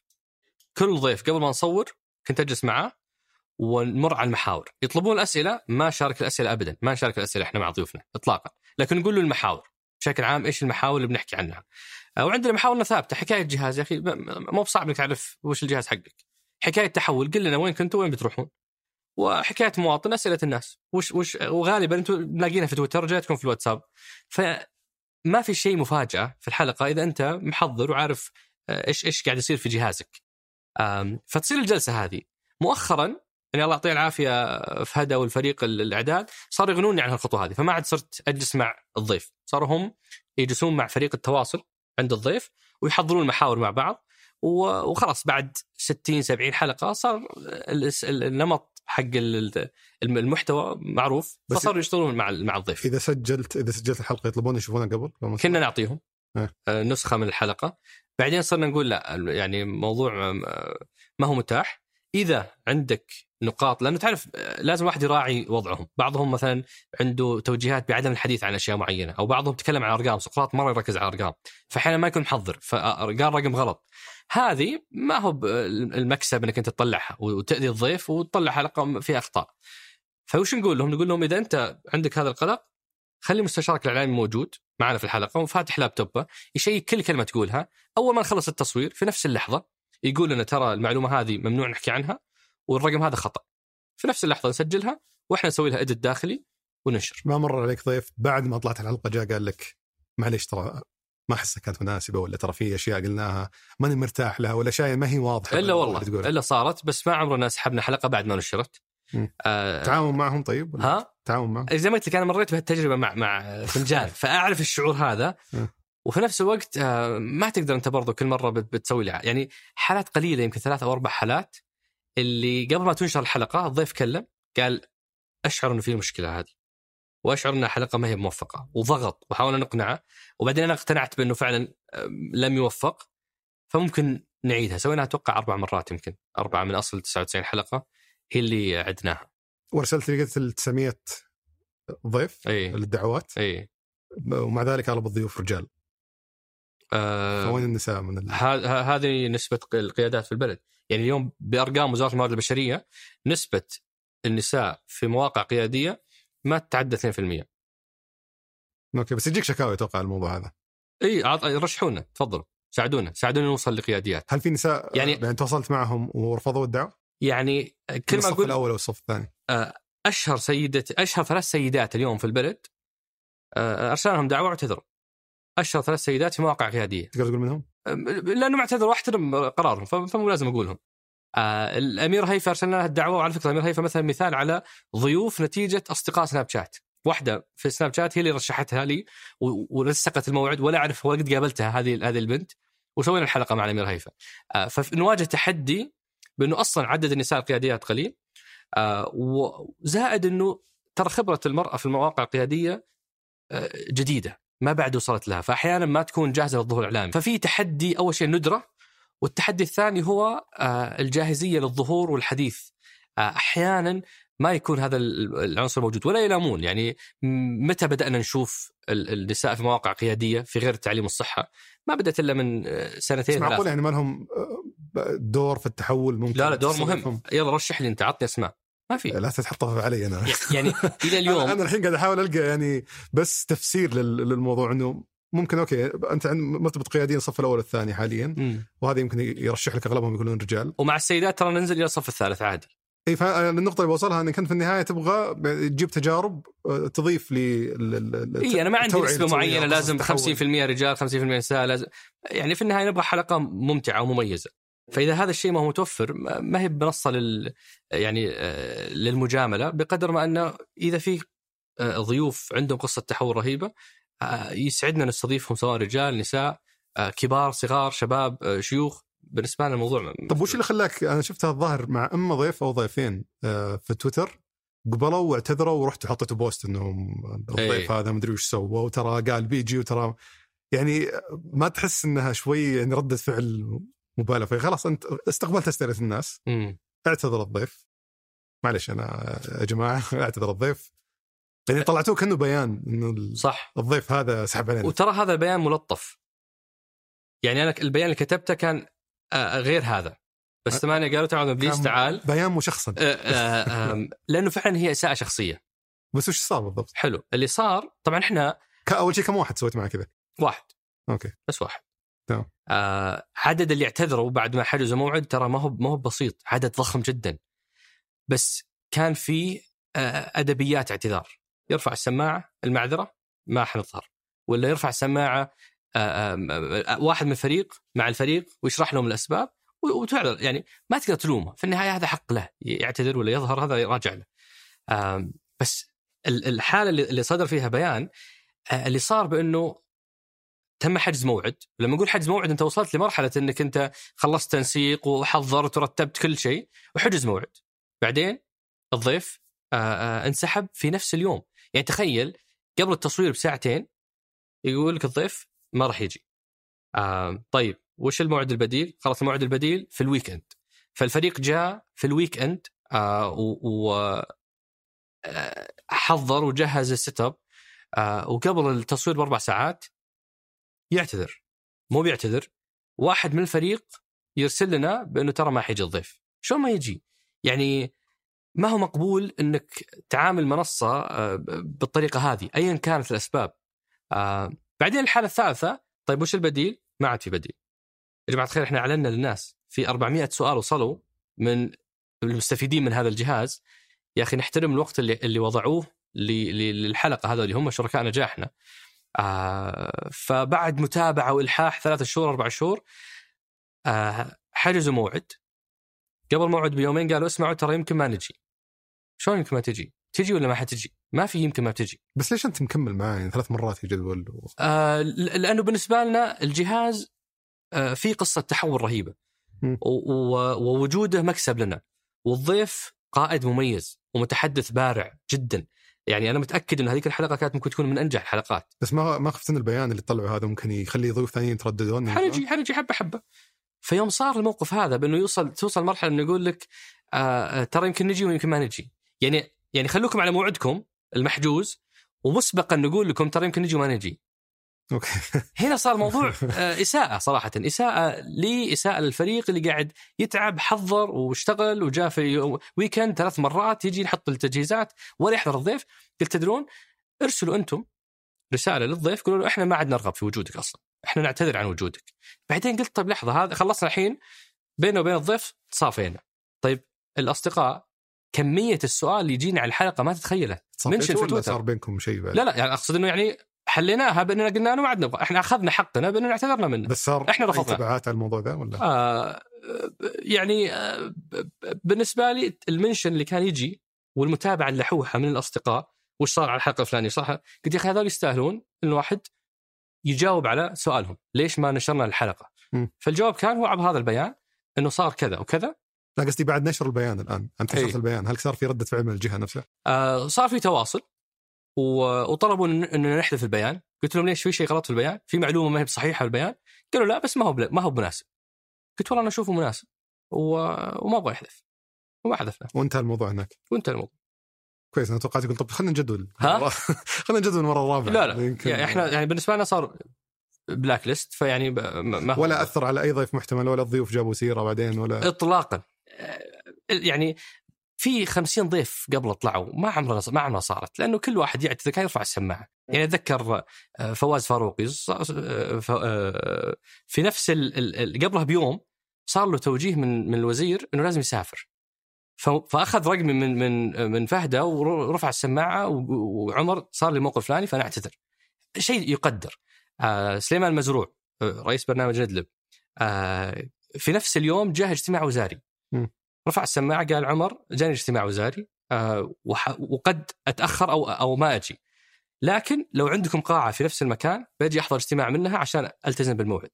فيا أخي التصرفات هذه تاكد لك إنه الأغلب الحمد لله يقدر إنه يلتزم بالموعد إذا بغى ويقدر إنه يعتذر بطريقة لائقة مقنعة إذا جاه ظرف. فكل هذه الحالات نتعامل معها بشكل رهيب. فالحالة الوحيدة اللي صار فيها هذا الموقف هي هذه الحالة ولذلك كان كان يتطلب إنه صراحة الواحد يحفظ حق الفريق اللي تعب يحفظ حق ال ال ال الناس اللي اللي تفاعلوا وطرحوا أسئلتهم آه، وهذه كانت الحالة الوحيدة. جميل. ودامنا في سيرة التعامل مع الضيوف أنا أذكر أول ما سمعت عن بودكاست سقراط وشفت كم حلقة طلعت من البودكاست كان في بالي الصورة الذهنية إنه بودكاست تسويقي. إي. ما بيقول تطويل صراحة بس يعني نقول قلها قلها. من انت باول واحد. فلا صدق يعني كذا. خلينا خلينا صريحين صريحين تماما. احس تطبيل يعني خاصة في الفترة هذيك اللي ما لسه ما شفنا المنجزات اللي تتم في في البلد اللي لها علاقة في الرؤية. فقلت هذا عمر قاعد يسوق عن إنجازات الرؤية. بعدين سمعت بعض اللقاءات ما أدري وش اللقاء صراحة اللي جذبني لكن في لقاء خلاني أسمع أو إني شفت الناس إي صح شفت ناس كثير يسولفون عن لقاء معين خلني أشوف. أسمع أشوف إيش السالفة. آه، استفدت كثير صراحة يعني بالنسبة لي تحول الموضوع إنه ماني بسمعها عشان أتابع مثلا شرحك عن الرؤيه أو التحول وما إلى ذلك. قد تستغرب إنه هذا يعني ما هو أولوية بالنسبة لي. الأولوية بالنسبة لي إني أعرف أكثر عن الجهة اللي تقابلها. وش قاعدين يسوون؟ وش التفاصيل؟ وش التحديات اللي يمرون فيها وما إلى ذلك. لكن ولاحظت فيه شوية ضغط على الضيوف في الأسئلة. لكنك خلينا نقول ألطف من المتوقع. اي ما تحجر. يعني تضغط ضغطة واحدة بس كذا. اللي آه طب ما تعتقد كذا؟ يقولون لا والله. طب خلاص يلا السؤال اللي بعده. طب عمر اضغط شوي. إجابة مو مقنعة. إي مو مقنع كمل. يعني إي يعني كم أنا أتفهم أوكي إنه يمكن الضيف الموضوع هذا حساس بالنسبة له. بس دامك سألت يعني كمل. إي. كمل ضغط يعني طلع يا طلع يا تخليه يجاوب إجابة دبلوماسية. يطلع يعني يوضح لك تماما إنه أنا ما راح أجاوب ولا إنه يعطيك ال- ال- الزبدة. أما تسمح له كذا يزرق يعني بكل سهولة. إيه هذه واحدة من أكثر الأشياء اللي صراحة آه، آه، تطرح وهي جزء من آه، مشكلة التوقعات. يعني في إعلاميين في فترة معينة رسموا صورة ذهنية لأي مقابلة مع مسؤول. يعني ما عمرك تلاقي أحد مثلا يقول لي مفيد النصر يا أخي ما حجرت لفلان. لما لما قابل رجل أعمال ولا ولا أحد يسأل آه، مديفر ليش ما حجرت لبنان العيان؟ خلاص يعني في صورة ذهنية بأنه إذا المقابلة مي مع مسؤول فمو لازم تحجر. مع مسؤول لازم تحجر ولا ولا مقابلة فاشلة ولا مقابلة غير آه، ناجحة. إيه بس لا, لا أنت لا صرت مفيد ولا صرت داود الشريان كذا شيء في النص. يعني لي- ليش؟ تعطيها كذا. لأن الفكرة هي بأنه ترى إحنا برنامج توثيقي. يا أخي برنامج محاسبة. أنا ماني مسؤول عن محاسبة أو مراقبة ال- ال- الجهات هذه. إيه لا انت ما ولا بدور صحافة اللي أروح وأنبش وأسوي تقرير. أنا مشروع توثيقي. إيه أبي أسمع القصة. حلو. لا تحاسبهم بس يا أخي خلوا يجاوب. إي. طلع جواب منه. هذا يعني الموضوع ما هو إثارة إي. ولا هو بيث... يعني إنك تحاول تطلع الضيف بشكل سيء. كثر ما إنه أنت تسمح للضيف إنه ما يجاوب. ذكرت الموضوع إنه في ناس ما يشتكلون منها. يعطيك جواب دبلوماسي. ممكن تصل يعني توص- توصل معاه إنه طب بتجاوب ولا ما انت بتجاوب يعني عادي ما عندك مشكلة بس عطني شيء أوضح إذا ما جاوب من أول مرة هل بيجاوب بعد الإلحاح؟ ولا الهدف بس إني أوصل للنقطة اللي يقول أنا ما- أبي أجاوب؟ وش الهدف؟ يعني اذا آه. السؤال ما أجيب عليه من أول مرة التنبيش الزيادة والضغط اللي قد يؤدي إلى الإحراج وش يفيد؟ يعني أنت تعتقد إنه هذه تقيمها على كل حسب السؤال يعني تشوف لا لا أنا بالنسبة لي لا يمكن أن تجد حلقة مطلوب أن يطرح فيها سؤال لم يطرح. بس ترى دائما دائما تصير في أسئلة ال- ال- المتابعين أو. أسئلة الاصدقاء تسأل أسئلة حساسة أي. يحتاج إجابتها وتخليهم يفلتون بأسرع إجابة. ممتاز. لأنه مرة ثانية الهدف عندك إجابة جاوب. ما عندك إجابة ما راح ما حنبش. ما هو دوري ولا هو بهدف البرنامج إني بروح أنبش في أدق التفاصيل وبينك مسؤول ما أنت آه، آه، شجاع للإجابة أو إنك ما عندك إجابة دقيقة. هي الفكرة إنه ال- المشاهد الواعي يقدر يقيم الإجابة حقت الضيف.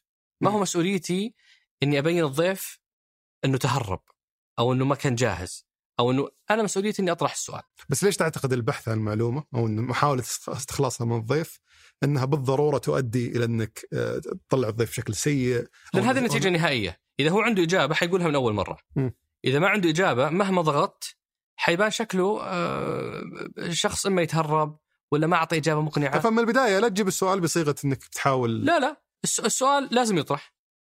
هو عنده مسؤولية الإجابة بشكل مقنع والحكم النهائي للمشاهد. مم. فأنا بالنسبة لي ما أبغى أن أصنع بطولة وأنتصر في هذه ال- ال- ال- ال- المعركة. لا مو بطولة وانتصارات بس ما ما ترى هذا اللي يصير. بس يج- يجيك انتقادات عليها تصور. أه، بالنسبة لي هي انتقادات ناتجة عن عدم فهم فكرة بودكاست سقراط. سقراط ما هو بدوره يحاسب المسؤول أو إنه يفرغ آه، آه، آه، مشاعرك السلبية تجاه هذا الجهاز، ما هو بدورنا هذا الشيء، إحنا ما إحنا القدر الكاتم الصفارة اللي عندك مشكلة مع الجهاز ولا بيفهم إنك تحول كذا على فكرة. ولا ولا يمكن تحول كذا لأنه هذه فكره جدا جدا سلبية. إيه. ويعني و... و... ويعني نفسها قصير. ما... ما تلاقي برنامج يستمر وهو بال... بالرتم هذا. آه الفكرة هي بأنه يا أخي عندك محاور وعندك أسئلة إذا طرحتها للضيف خلاص مسؤوليته هو يجاوب أو, أو تروح اللي بعدها. فأنت كأنك تقول لمتابعينك إنه أنا دوري إني أوصل أسئلتكم وهو الضيف راجع له هل يبغى يجاوب عليه ولا ما يبغى والحكم النهائي لكم أنتم. إي إذا ما جاوب فقد تستخلصون إنه أنتم يتهرب. إنه هو ما عنده إجابة. مو بلازم أنا يا إنه ما عندي إجابة إنه تهرب كذا بس أنا ما راح أكون في موقف اللي أضغط عليه. أحسنت. حلو. فأنت تشوف هذا لأن كان دورك يختلف عن التوقعات اللي موجودة عند الناس. عند عند بعض ال- ال- الناس اللي ولذلك تلا- تلاحظ ترى تحديدا تحديدا هذه النقطة آه تجي في الأجهزة الخدمية اللي اللي مسؤولة عن قطاع مرتبط بخدمة المواطن. آه فما ف هنا تبدأ توقعات الناس بأنه يا أخي فلان حارق دمي يا أخي وزارة كذا مرة قاهريني فالمفترض إني أشوف في هذه الحلقة نوع من ال ال ال ال الهجوم اللي يخليني أنا أرتاح انتصرت يتفرج لي. عشان يبرد قلبه انتصرت لي. اي بس يا أخي مو ب- أنا ماني بأداة. أنا ماني بعصا تضرب فيها المسؤولين ولا تضرب فيها جهاز. أنا شخص شغوف بهالقصة أبغى أوثقها. يعني واحدة مثلا من الأمثلة اللي تبين لك هذه المشكلة. آه، آه، لما سو- صورنا حلقة آه، آه، طلال كنسارة أبو يحيى اللي هو مسؤول استراتيجية في الدرعية. لما صورنا الحلقة كان أول سؤال في الحلقة وشو؟ إحنا دائما نبدأ بسؤال شخصي. فكان أول سؤال هو كم وجبة أكلت في نيويورك؟ الرجل هوايته تذوق الأطعمة. فقاعد أقرأ في تويتر واحد مدح ال- ال- الحلقة فجت واحدة ردت عليه قالت وش وش ذا المحاور الفاشل؟ قاعد يقابل حق الدرعية ويسالوا عن كم وجبة أكلت. فهذه واضح انها ما هي فاهمة فكرة البرنامج. هي هي أتخيل إنها واحدة من اللي عندهم بيت في الخزامة وصار عليه نزع وهي يعني داخلة كذا بانفعال. أبي أعرف وش صار على البيت حقي. ثم لقيت ذا قاعد يضحك معاه وينكت وياه بس طبيعة البرنامج إنه هو برنامج عفوي أريحي كان قاعد يسولف مع المجلس. أنت دخلت مجلس ولا دخلت على الاستراحة على ربعك بتلاقي واحد كذا واقف عند الزاوية ليش ما جبت العشاء اليوم؟ ما, ما حتلاقي المشهد هذا. في جو أريحي في سؤال حتى لو اختلفت أنت وخويك تلاقيك تضحك وأنت اختلفت وياه كان بيزعل اليوم لأنه أنا سؤالي الشخصي الأول كان يتعلق بوجبة تحبها أنت اي آه أوكي. اشوني ما بديت فيه. هو وجبة غريبة صراحة. وج- وجبة غريبة؟ اسمح لي أتكلم عنها. اي خذ راحتك. محل أنا ما أبي أذكر أسماء ما- اي مطاعم اي بس هو مطعم يعني مشهور بالدجاج. البيك؟ البيك. اي والناس كلهم يحبون المسحب حق البيك. إلا أنت أول شخص. في حياتي ساندويتش سمك. أوه. أوه. رهيب بس بعد بعد ما طحت فيه ما أذكر إني طلبت ال- ال- ال- البروست ليش؟ لأنه ألذ بكثير وأريح وأسهل في الأكل شيء عملي جدا ولذيذ جدا ويغنيك عن اللغوصة وال و... مو مسحب دجاج وش فيه؟ لا آه، ال- ال- ال- أنا كانت مشكلتي مع البروستد. انه إنه صعب. لكن مسحب لا مسحب أنا جيد تخيلت تاخذ اللقطة هذه تحطها في تويتر تشويق. الحلقة أنا أتوقع. بالضبط إيش قاعدين يسوي عنه. وش قاعد يسولف وش الحلقة بالضبط؟ توهق ما عنده محتوى عمر. طيب نرجع لموضوع ال- الضيوف وتجربتك معهم. آه، انت قبل شوي تقول يعني أسف أسف. على موضوع التحجير عمرك أحد قال لك ترجع للساندويتش السمك. عم- عمرك أحد قال لك ليش ما حجرت الضيوف؟ أنت؟ لا أنا يجيني ليش تحجر الضيوف؟ توقعات الناس مرة مختلفة لا شوف شوف خلينا خلينا لا لا خلينا نشرحها خلينا نشرحها بس ما هو ما هو بتحجير أنا عندي يمكن البرنامج يختلف أحاول أطلع الضيف لأنك من- مو بمسؤول عبد الرحمن أبو مالح ما حد يقول شخص مسؤول لو سمحت لا عبد الرحمن أبو مالح ما حد يقول ليش ما تحجر لضيوفك إيه. مشهور ما حد يقول ليش ما تحجر لضيوفك ليش؟ لأنه الصورة الذهنية بأنه أي أحد مو مسؤول مو بلازم احجر لا لا. بس أنا يجيني أقول فهنا. التحدي إنه لأنه مسؤول لازم احجر له أنا مو يجيني. ليش تحجر للضيوف مو ليش؟ لأنك يعني آه، عومة. لا. لا الفكرة إنه يمكن في برنامجي يختلف الموضوع لأنه أحاول أستخلص خبرة الضيف. صح. وما أبغى أسمح له يسوق. أي. أبغاه يعطيني الخبرة وليس التسويق فالموضوع يختلف. بس أنت ذكرت قبل شوي الناس اللي آه، اللي يجون يتابعون حلقات آه، ويتوقع أو حلقات معينة وقطاعات معينة ويتوقعون إنك بتبرد خاطرهم فيها. صح. آه، خاصة القطاعات اللي تمس الناس بشكل كبير. ومع ذلك ما غطيت بشكل كبير قطاعي الصحة والتعليم. صح. فمع إنهم يعني آه، شيء أساسي جدا ومهم سواء آه، بالنسبة للناس بشكل عام وحياتهم أو بالنسبة صح. حتى على سياق الرؤية وما إلى ذلك فهل أرسلت لهم دعوات وما قبلوا ولا أنت غير مهتم مع آه. انك في صميم قطاع التعليم ما شاء الله يعني, يعني جدا إحنا ما في يعني آه، بدون مبالغة ما ما أعتقد إنه أحد اليوم عنده قدرة يقول لنا ليش ما استضفت فلان ولا نكون أرسلنا دعوة. شايف شايف مستوى الثقة اللي وصلنا له بعد ما ترسل 990 ولا 1000 دعوة عندي القدرة إني أقول أتحداك تقول لي جهاز وتكتشف اننا ما أرسلنا دعوة. الصحة على سبيل المثال. الصحة أرسلنا دعوة للوزير. آه، ارسل الدكتور توفيق على وقته. وأرسلنا دعوة للنائب وقتها كان اللي هو الوزير الحالي آه، الجلاجل. وأرسلنا دعوة ل أنا حاط أسمائهم. آه، يا ساتر اي وأرسلنا دعوة إيه. للرميح وكيل الصحة للشؤون الالكترونيه لأنه كان مثلا آه، قلنا أوكي طيب يمكن الأشياء أنشطة الوزارة ما فيها تحول جاهز. خلونا نناقش التحول الرقمي اللي أنتم بدعتوا فيه حجز الموعد وتطبيق صحتي ومدري إيش. فنبغى الوكيل المسؤول عن التقنية اللي هو كان وقتها الرميح الآن أتوقع إنه صار نائب وزير. أرسلنا دعوه لاحمد والخير المركز الوطني للمعلومات الصحية. أرسلنا دعوة. بعدين بعدين وصلت مرحلة صرت أقول لهم يا جماعة الخير. طب شركاتهم الهيئات. أ- أ- وصلت مرحلة جماعة الخير مو معقول إنه نقابل كل هالقيادات وما في أحد من القطاع الصحي أنتم رشحوا. أنتم اختاروا أي أي مسؤول. ورشحوا لنا. فرشحوا لنا مسؤول آه، أحد الوكلاء. كلمناه اعتذر. يعني مرشحهم اعتذر برضه آه، آه، اللي هو الدكتور هاني جختار وكيل الصحة العامة. مسؤول برنامج التحول الصحي أرسلنا له دعوة.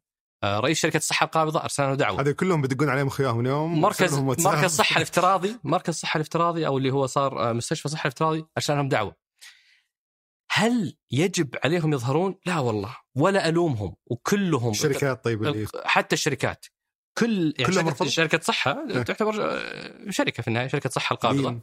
آه لين أرسلنا لهم دعوة كان أتذكر آه، آه، مهند ال- آه، آه، شو اسمه آه، الرئيس آه، مهند رشيد هو تعرفه ولا ما تعرفه؟ لا أعرف مهند بس ما أعرف أو فلين هو صح؟ اي فلين اي برضو آه، أرسلت له دعوة آه، فهل ألوم أحد ما يظهر؟ لا والله ولا يمكن أني أمس آه، هالقيادات ال- المميزين واللي يقومون بجهد عظيم بالإساءة، بس اللي أقصده إنه أحيانا يجي ناس يقول يا أخي أنت ليش مركز على أشياء ثانوية وناس الصحة والتعليم؟ والله ما نسيناهم، قاعدين نحاول يعني التعليم نفس الشيء نفس التجربة. نفس القصة التعليم نفس القصة بالعكس التعليم حتى حجز حجز. موعد يعني مسؤول رفيع المستوى جدا في الوزارة حجز موعد وحددنا الموعد وبعدين آه، اعتذر ودك تقرأ أسماء بعد آه، يعني آه، خلاص القصة القصة وضحت عرفت؟ فلان الفلان ال- كذا جالسين ينتظرون أسمائهم كذا والله العظيم ما أقصد فيها إساءة ولا أبغى أحرجهم ترى حق المسؤول المطلق اي لا لا لا ولا إساءة ولا هو. إساءة لهم ولا لعملهم حق. مطلق له إنه يحدد أخي اطلع ولا ما اطلع ما ما نبي ملزوم أطلع معك يا عمر ما هو ما هو بواجب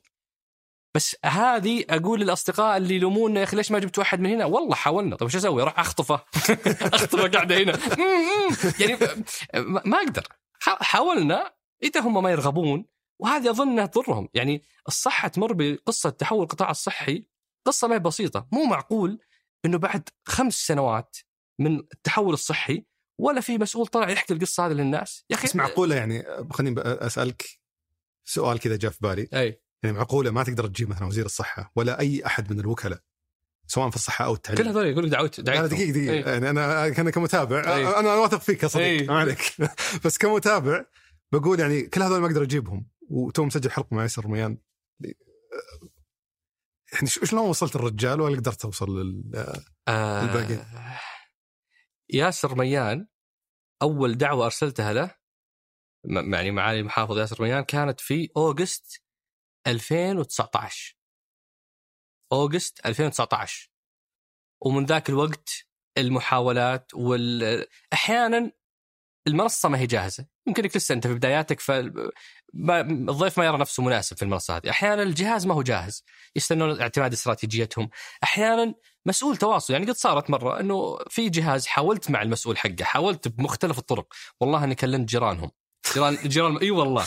وكلمت. أنا طبعا مرة مرة آه، آه، يعني آه، آه، أحط حواجز في التواصل في الأشياء الشخصية. بس إذا جاء موضوع سقراط ما عاد يصير في حياة. لأن أنا ما ما أطلب شيء لنفسي أنا أطلب شيء لل- للبلد شيء للأجيال الجاية تسمع القصة هذه. فالوزير هذاك كلمت ولده كلمت أخوه كلمت جاره كلمت واحد معاه في مجلس إدارة آه، واحدة من الشركات كلمت أحد وكلاءه آه، يمكن أتذكر إني دعيته من ستة طرق. يا ساتر. ولا قدرت خليه. يعلوس كذا؟ كل أحد حوله يقول عمر ولا قدرت. اقنعه وبعدين دعيت لي ورشة دعيت لي ورشة بصفتي يعني متابع ومهتم للرؤية وكان فيها المسؤول هذا.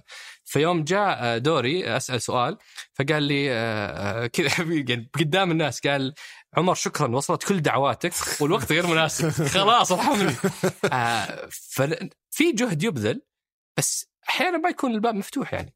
آه فهذول تحاول فيهم من زمان. من زمان. فممكن اللي اليوم تحاول فيهم قطاع الصحة والتعليم يطلعون معك أتمنى ذلك سنتين ومو يعني اجين مرة ثانية لازم يصير هذا الشيء واضح. كل مسؤول عنده الحق المطلق ولا يلام أي إنسان اختار انه ما يطلع.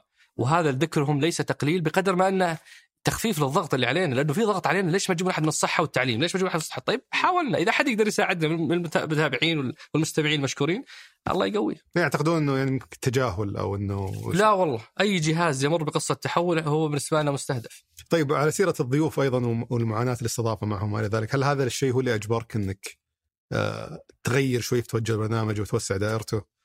تسقط علي وعلى فنجان وش خلاك تو... وبعدين أسمع اليوم الحلقة حقت آه، آه، رئيس نادي الهلال. إيه ك- ما أدري شلون ربطت الهلال مع التحول.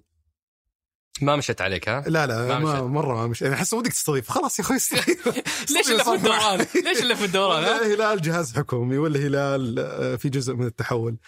حلو كلامك حلو ترى مو بغلط. أي. ما قلنا كلامك غلط بس حسيت كذا اللي الا آه. بربط في سقراط فهو اللي خلاك تتوسع؟ حلو. وتستضيف ضيوف ثانيين. كل كل موسم إحنا إحنا بالنسبة لنا الموسم تقريبا تقريبا ينتهي بدخول رمضان. إذا جاء رمضان إحنا نوقف والصيف أيضا نوقف. فعادة الفترة هذه تعتبر كأنها نهاية موسم آه، فمع الفريق نجتمع وش الجديد وش ممكن نسوي وش اللي بيفرق. عفوا. اللي لاحظناه بأنه بدأ المشهد في البلد يتغير. يعني أول ثلاث سنوات أربع سنوات قاطرة التحول هي الجهات الحكومية. القطاع الخاص كذا بس قاعد يتلفت وش صاير؟ ما, ما, ما يدري إيش السالفة. لسه يبغى يستوعب إيش صاير في البلد. الناس وقادة الرأي وقادة الفكر أيضا لسه قاعدين يحاولون يفهمون يستوعبون الرؤية. اليوم اللي صاير بأنه في ملفات القطاع الخاص صار فيها أسرع من الجهات الحكومية آه، آه، في تحقيق المستهدف. في أشخاص مثلا صلاح خاشقجي في مفهوم الادخار حلقته في فنجان حقق اللي ما حققه برنامج تطوير القطاع المالي كاملا في هذا الملف من رفع الوعي مم. في موضوع الادخار. واضح إنك كان ودك فيه. مرة مرة. يعني عبد الرحمن حظه آه بس إحنا يعني في حلقة مفترض إنه قبل هذه الحلقة آه يعني تؤدي ال- المطلوب إن شاء الله. فاللي أقصده إنه إحنا إحنا مين؟ إحنا اللي نوثق التحول.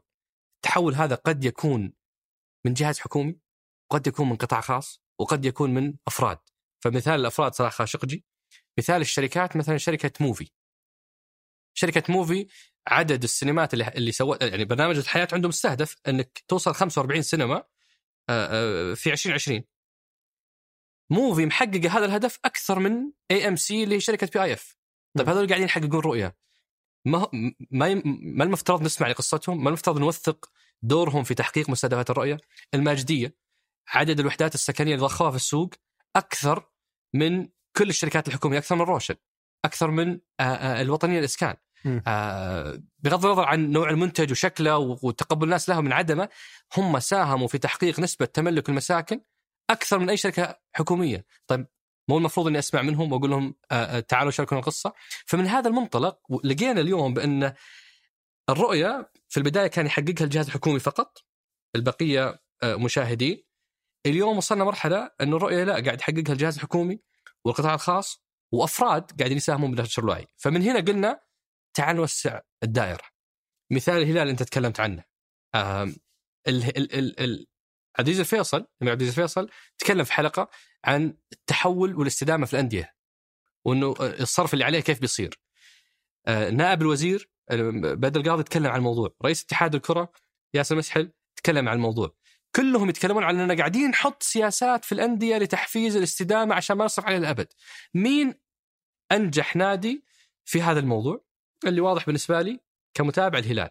فلما لما تستضيف رئيس الهلال ويقول لك شلون هم اليوم انتقلوا من مرحلة ال ال ال الاعتماد الكامل على الإنفاق الحكومي أو على الدعم الحكومي إلى مرحلة تحقيق فائض ومو بس الفائض هذا تحقق ب ب بدون يعني بنية تحتية لا صار فيه استراتيجية صار فيه آه، شركة استثمارية صار فيه تسجيل العلامه التجارية أنت اليوم قاعد تقرب هالأندية من أحد مستهدفات برنامج التخصيص اللي هو تخصيص أندية دوري المحترفين م. فمن من وين ما تجيبها من أي زاوية التجربة اللي تصير في الهلال في صميم الرؤية ومن ضمن مستهدفاتها سواء برنامج التخصيص أو برنامج جودة فانت. تقول سقراط بيصير ما هو بدل ما هو مرتبط مع آه ان يكون لقاءات مع مسؤولين بيكون مرتبط في لقاءات مع أي أحد يحقق اهداف أو أي جهة يحقق مستهدفات الرؤية. صحيح. يعني أي أحد ثاني ما يكون له آه ما له مكان غالبا في البرنامج فالشركات اللي ما تحقق مستهدفات الرؤية ما راح تسقط عليه في يوم من الأيام.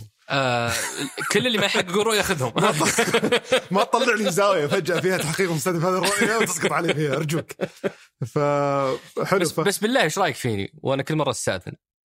كل مرة أستأذن بعد ما استضفت أربعة من يا أخي عفى الله ما سلف أنت إيش فيك؟ شايل بس ضحيت والله بكم واحد صح ولا؟ الله؟ يعطيك العافية. واستاذنتك وقلت لي. واحد منهم لا قلت لك سم أبشر. ما قصرت. وش رأيك فيني؟ وأنت نفس الشيء قلت لي أخذت مني ناس بإذني صح ولا لا؟ ها؟ أخذت مني أخذت مني ناس بإذني.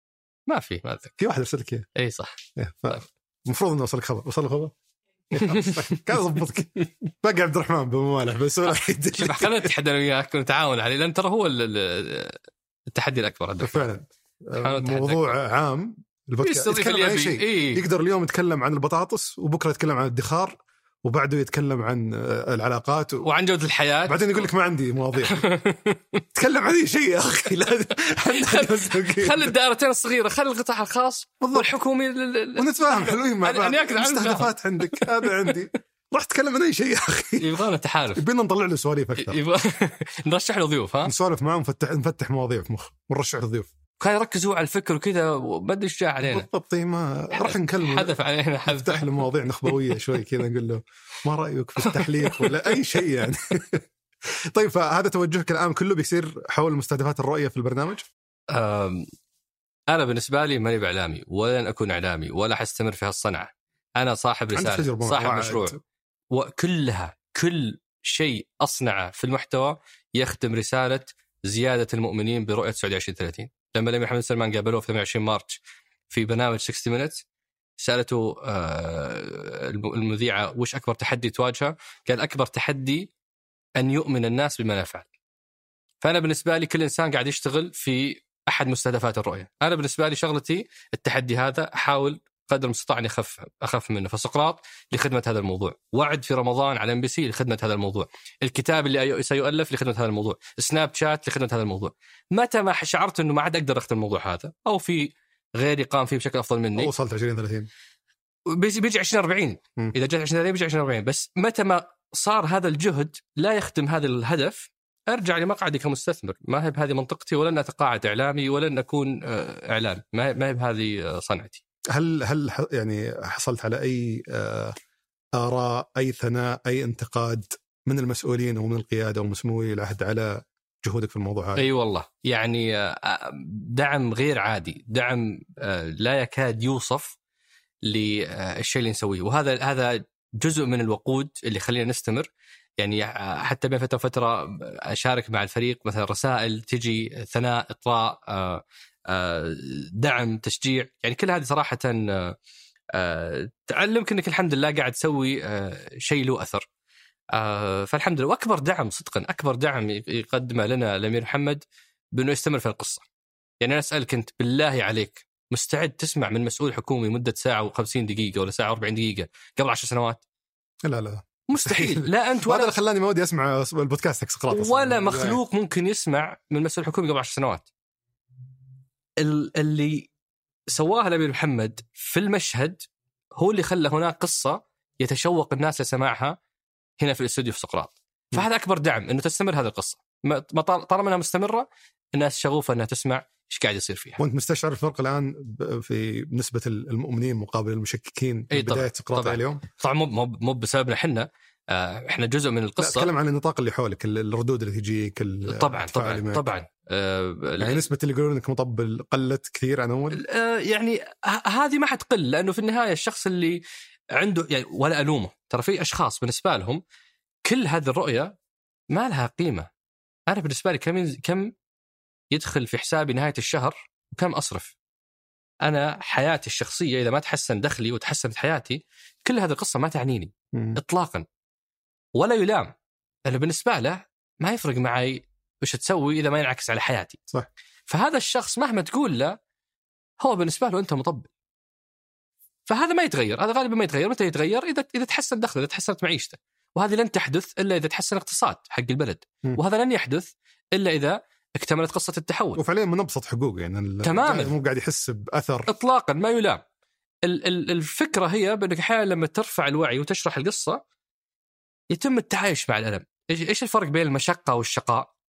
المشقه هو انه جسديا تشعر بالم الشقاء انك نفسيا ما تتقبل هذا الالم هنا تصير المشكلة فالشخص اللي تشرح له ليش قاعد يصير هذا الالم ليش قاعد يصير هالاصلاح الاقتصادي لأنه انت بدونه مستحيل تستمر بال- بالوضع السابق اللي كنت فيه قد يتعامل مع الالم المعيشه بشكل افضل مم. في اخر لا ما يتفهمها ولا يتقبلها ولا يلام هذا حقه فهذا ما ما يعني ما أقدر تساعده ف... يعني فاز الفرق اللي يفهم ليش صار في ضريبة قيمه مضافة بعد كورونا و... واللي يعتقد إنها مجرد. يعني نسبة متألمين على. فكرة كلهم متألمين. هذا بس على. الأقل شخص يقول أوكي هذا تفهم. المصلحة البلد فالألم أخف و- والمصلحتك أنت المباشرة. فعليا ترى إذا إذا الواحد فكر فيها هي مصلحته المباشرة. آه لأنه أنت في النهاية عايش في بلد معتمدة على اقتصادها كامل على إنفاق الحكومة. فإذا ما في إنفاق حكومة اقتصادك آه ما حيقدر يوفر لك حياة كريمة. جميل. آه سؤال عندي فضول أعرف وبدون تفكير إي. بشكل سريع. أفضل ثلاث ضيوف بالنسبة لك طلع. ما حجاوب. ليش؟ لأ- لأنه صدق السؤال هذا مرة صعب. مرة صعب. يعني بس في دائما شوف حتى ك...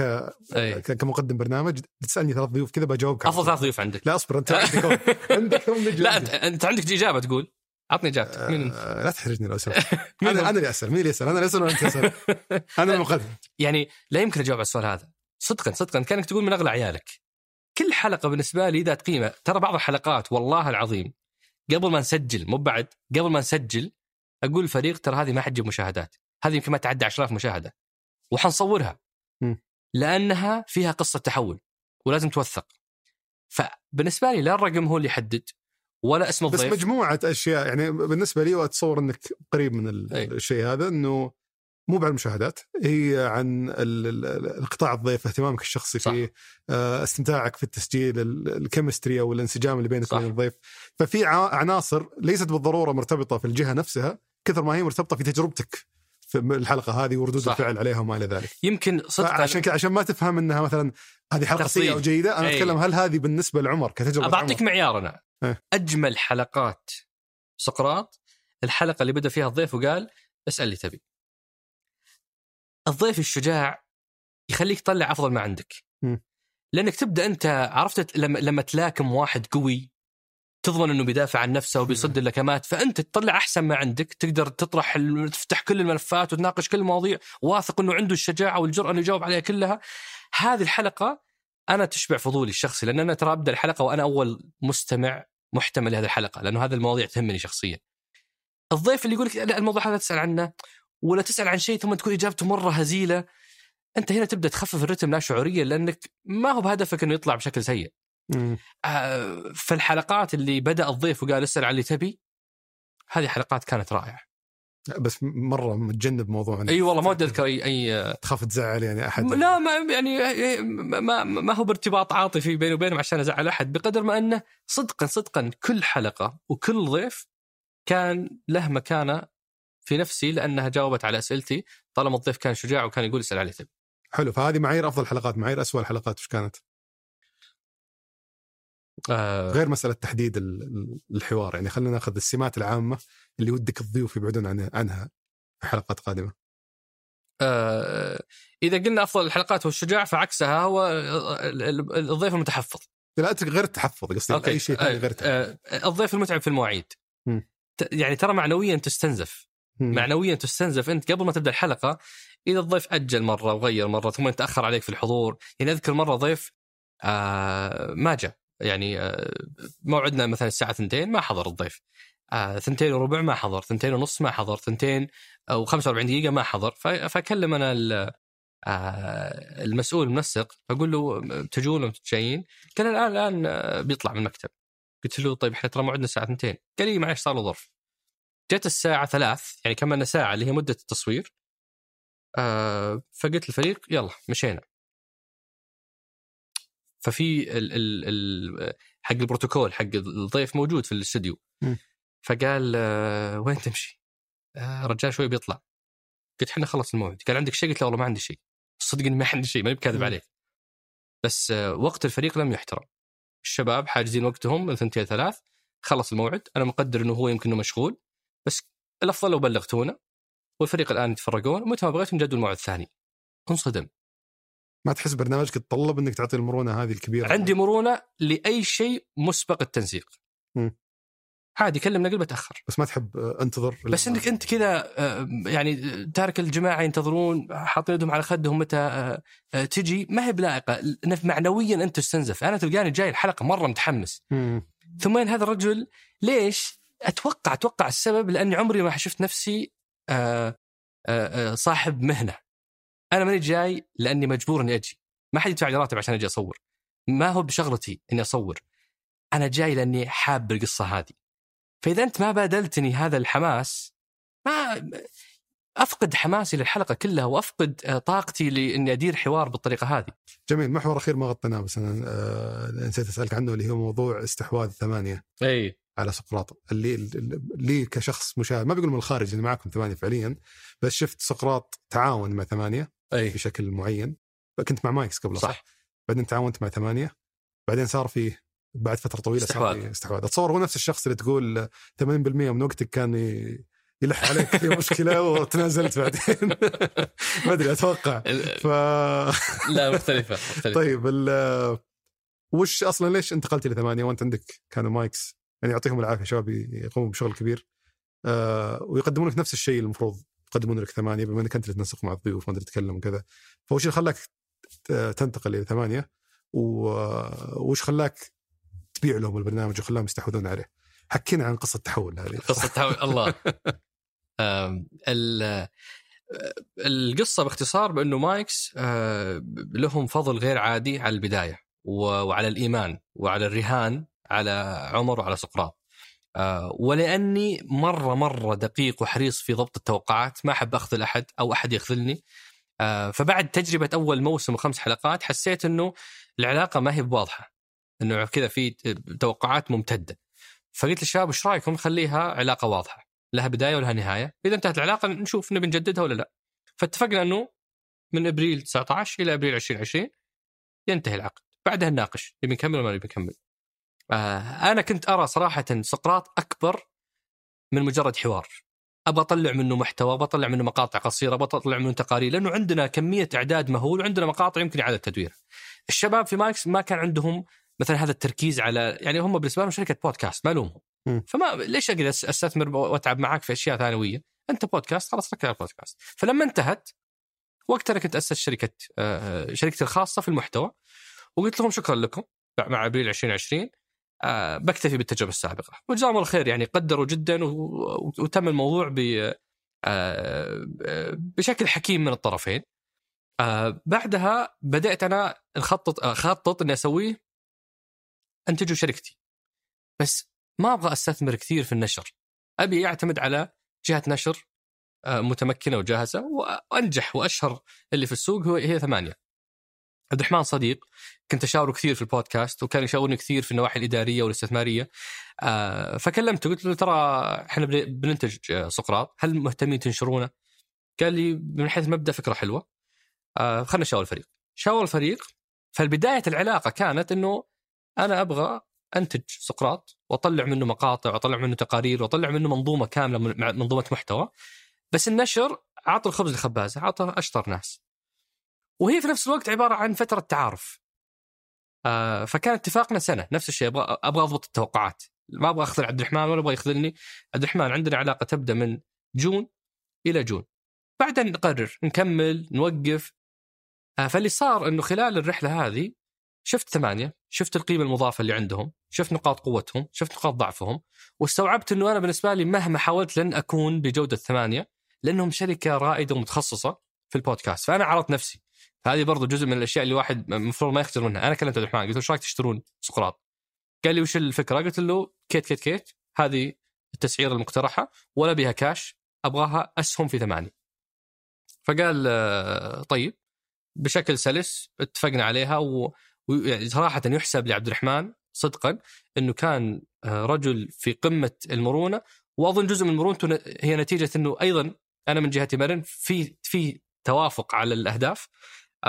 فكانت علاقة سنة نشر مشترك وبعدها آه، صار بس الاستحواذ وش كان يمنع أن تخليها عقد طويل المدى وخلاص؟ مع مين؟ يعني ليش ليش اعطيتهم البرنامج؟ الثمانية. لأني ما حنتجوا أحسن منهم. فقط هذا السبب يعني ما- وأنا ماني آه، آه، صاحب بودكاست. م. أنا صاحب محتوى. المحتوى هذا ما يفرق معي أي منصة أحطها فيه. الآن الفترة هذه هو بودكاست. مستقبلا ممكن يكون شيء آخر. فماني مقدم بودكاست. أنا صانع محتوى. هذا المحتوى يتغير بأي- بأي منصة. فما حستثمر في منصة وأتعلم مهاراتها وأبني فيها قدرات الفريق إذا عندي متاح فرصة إني أشتغل مع أفضل شركة في العالم العربي في هذا الموضوع. آه كيف قاعد تضبط عبد الرحمن وضبط ثمانية؟ اي لا مرة ممكن ممتاز ممكن. كذا يبدون يهتمون شوي. إيه، ممكن إيه. سقراط يعطون يبعدون وجه. عنك شوي. يعني- لا بالعكس يبعدون عنك والله. ف... فهذه القصة حقت الاستحواذ. جميل. أنا بختم معك في السؤال اللي أنا أختم فيه عادة مع الضيوف. في برنامجي. لو رجع بك الزمن وش الشيء اللي بتسويه غير؟ الله عليك مركز. إيش رأيك؟ فلا وش لو رجع بك الزمن لأول يوم من تأسيس بودكاست سقراط اي بنفس الخبرات وبنفس التجارب وبنفس المشاكل اللي مريت فيها فوش الأشياء اللي بتتجنبها وش الأشياء اللي آه، أو المشاكل اللي أو وش المشاكل اللي بتجنبها وش الأشياء بتغيرها ما كنت محضر لا شوف لا والله ما ولا شيء. بالعباده السؤال اي لا ما كنت مع إني أنا. بقابلك يعني المفروض إنك مجهز الموضوع إيه الصدق الصدق إنها رحلة تعلم في كل محطة قاعدين نكتشف شيء ونطور ونعدل ونصحح آه، يعني آه، ما تحس في شيء تقول ليتني ما سويتها ولا ليتني ما استعجلت ليتني ما كلمت بديت بالقطاع هذا قبل هذا ليتني ما كلمت المسؤول الفلاني. والله ما عندنا ترى في الاختيار. والله ما عندنا ترى في الاختيار. أنت تجيك لحظات يعني اجتماعات كثيرة مع ثمانية مع إدارة ثمانية مثلا تحديدا اللي مثلا لهم علاقة ببودكاست فنجان. يجون يقول يا أخي أحس إن الضيف هذا ما حلقته ما حيكون فيها مشاهدات. أقول لهم عندكم أحسن عندكم خيار أفضل. ما عندنا ترف إنك أنت بتقول بمشي أول شيء كانوا يقولون لي خلينا نختار الضيوف اللي مرتبطين بأحداث. قلت صحيح أنتم. أنا قاعد ألاحق الضيف سبعة شهور ثمانية شهور لين يوافق وإذا وافق قلت له يلا بسرعة خلينا نسجل قبل لا يهون. فما عندنا ترف اننا بننقي مع مين نبدأ ثم ننتقل لمن؟ نبدأ المسؤول الأول ثم نمر على المنظومة. ما عندنا الترف هذا. عندنا فرص تتاح نتيجة واسطة ولا علاقة ولا ضغط ولا إقناع فيوافق الضيف نقول يلا تعال خلينا نوثق ال- ال- اللي نقدر نوثقه في هذه اللحظة. فما أقدر أقول ليتني بديت مع فلان أو مع فلان. كل خطوة خطوناها أعتقد إنها كانت أفضل ما يمكن في حينها وتعلمنا منها وطورنا وبنينا عليها. فما أظن إنه في شيء سأتمنى تغييره في كل الرحلة. يمكن يمكن الاسم. يمكن الاسم هو اللي بيغيره وش تخلي؟ والله أي اسم ثاني. بس. لأنه آه، تحول. الاسم صار ي- يعني صرت أسأل عنه وما عندي إجابة مرة. تعرف عادة ودك تصير إجابة مرة مقنعة اللي تصير فيها ملهمة. قصة حلوة. ما إجابة خايسة إجابة خايسة. بس يعني هذا الاسم وصعب إنك تغير الاسم الآن ما لا ما لو تغير. اسمه إيش يصير؟ سمي وعد. وعد؟ إي. ليش؟ لأنه كله كل اللي ناقشه إحنا في الرؤية عبارة عن وعود. فأنت صححت غلطتك مع ام بي سي فانا صح صوت ام بي سي جميل. الله يعطيك العافية عبد الرحمن. الله يعافيك. سعيد جدا بلقائك. وشكرا لك. وإن شاء الله في حلقة 200 بعد نرجع نسوي لقاء ثاني. مستحيل. ليش؟ مستحيل. حرام. التهجير هذا. بالعكس والله أني صدقا يعني ما كلمت أحد. كلمت كنت مشهور. الله يعطيك العافية. لأني آه، أبغى يعني متخيل الحلقة بالشكل هذا آه، تثري أكبر فضول عند الأصدقاء. ولأني أحب المسؤول يقول اسال عن اللي تبي. وش رأيك فيني؟ إذا ما قطعت شيء قلت لك اسال عن اللي إذا تبي. ما قطعت شيء أنت رائع لا إحنا حتى المسؤول يقول يقول لنا اسألوا اللي تبي نرجع. بعدين نقطع أشياء. أوكي. لا شكرا لك. قصرت الله يعطيك الله يبارك فيك. تسلم. شكرا لكم. صدقا شكرا لكم. يعني هذه الرحلة آه، ابتداء من ترشيح الضيوف الوصول لهم مساعدتنا في إقناع كثير من الضيوف آه، مساعدتنا في نشر الحلقة. آه، كل هذه كانت جهود لا يمكن لرحلتنا تتم آه، بدون دعمكم آه، فيها. آه، شكرا للفريق شكر عظيم جدا للفريق. آه، أنا أتذكر أول حلقة آه، كنت ال- ال- المنسق والمرسل الدعوة واللي يعد واللي آه، يحضر واللي يحاور وبعدين اللي يتابع الإنتاج ويحدد إيش المقاطع اللي تحذف آه، واللي يكتب التغريدة حقة النشر. هذه كانت أول حلقة. اليوم دوري حقيقة يجي يجلس على الكرسي هذا ويدير حوار. كل المهام اللي قبل يقوم فيها فريق عظيم كل المهام اللي بعد يقوم فريق فيها فريق عظيم. آه، فشكرا جزيلا لهذا الفريق العظيم. شكرا لفهد القصير وعبد الملك آل سعيد في إعداد وإنتاج الحلقة. ياسر الغانم وياسر كدشة خلف الكاميرات. في تسجيل الصوت عبد العزيز المزي وفي التحرير أنس الخليل في الهندسة الصوتية محمد الحسن وفي الإشراف على الإنتاج أصيل بفرط. هذا بودكاست سقراط. أحد منتجات شركة ثمانية للنشر والتوزيع.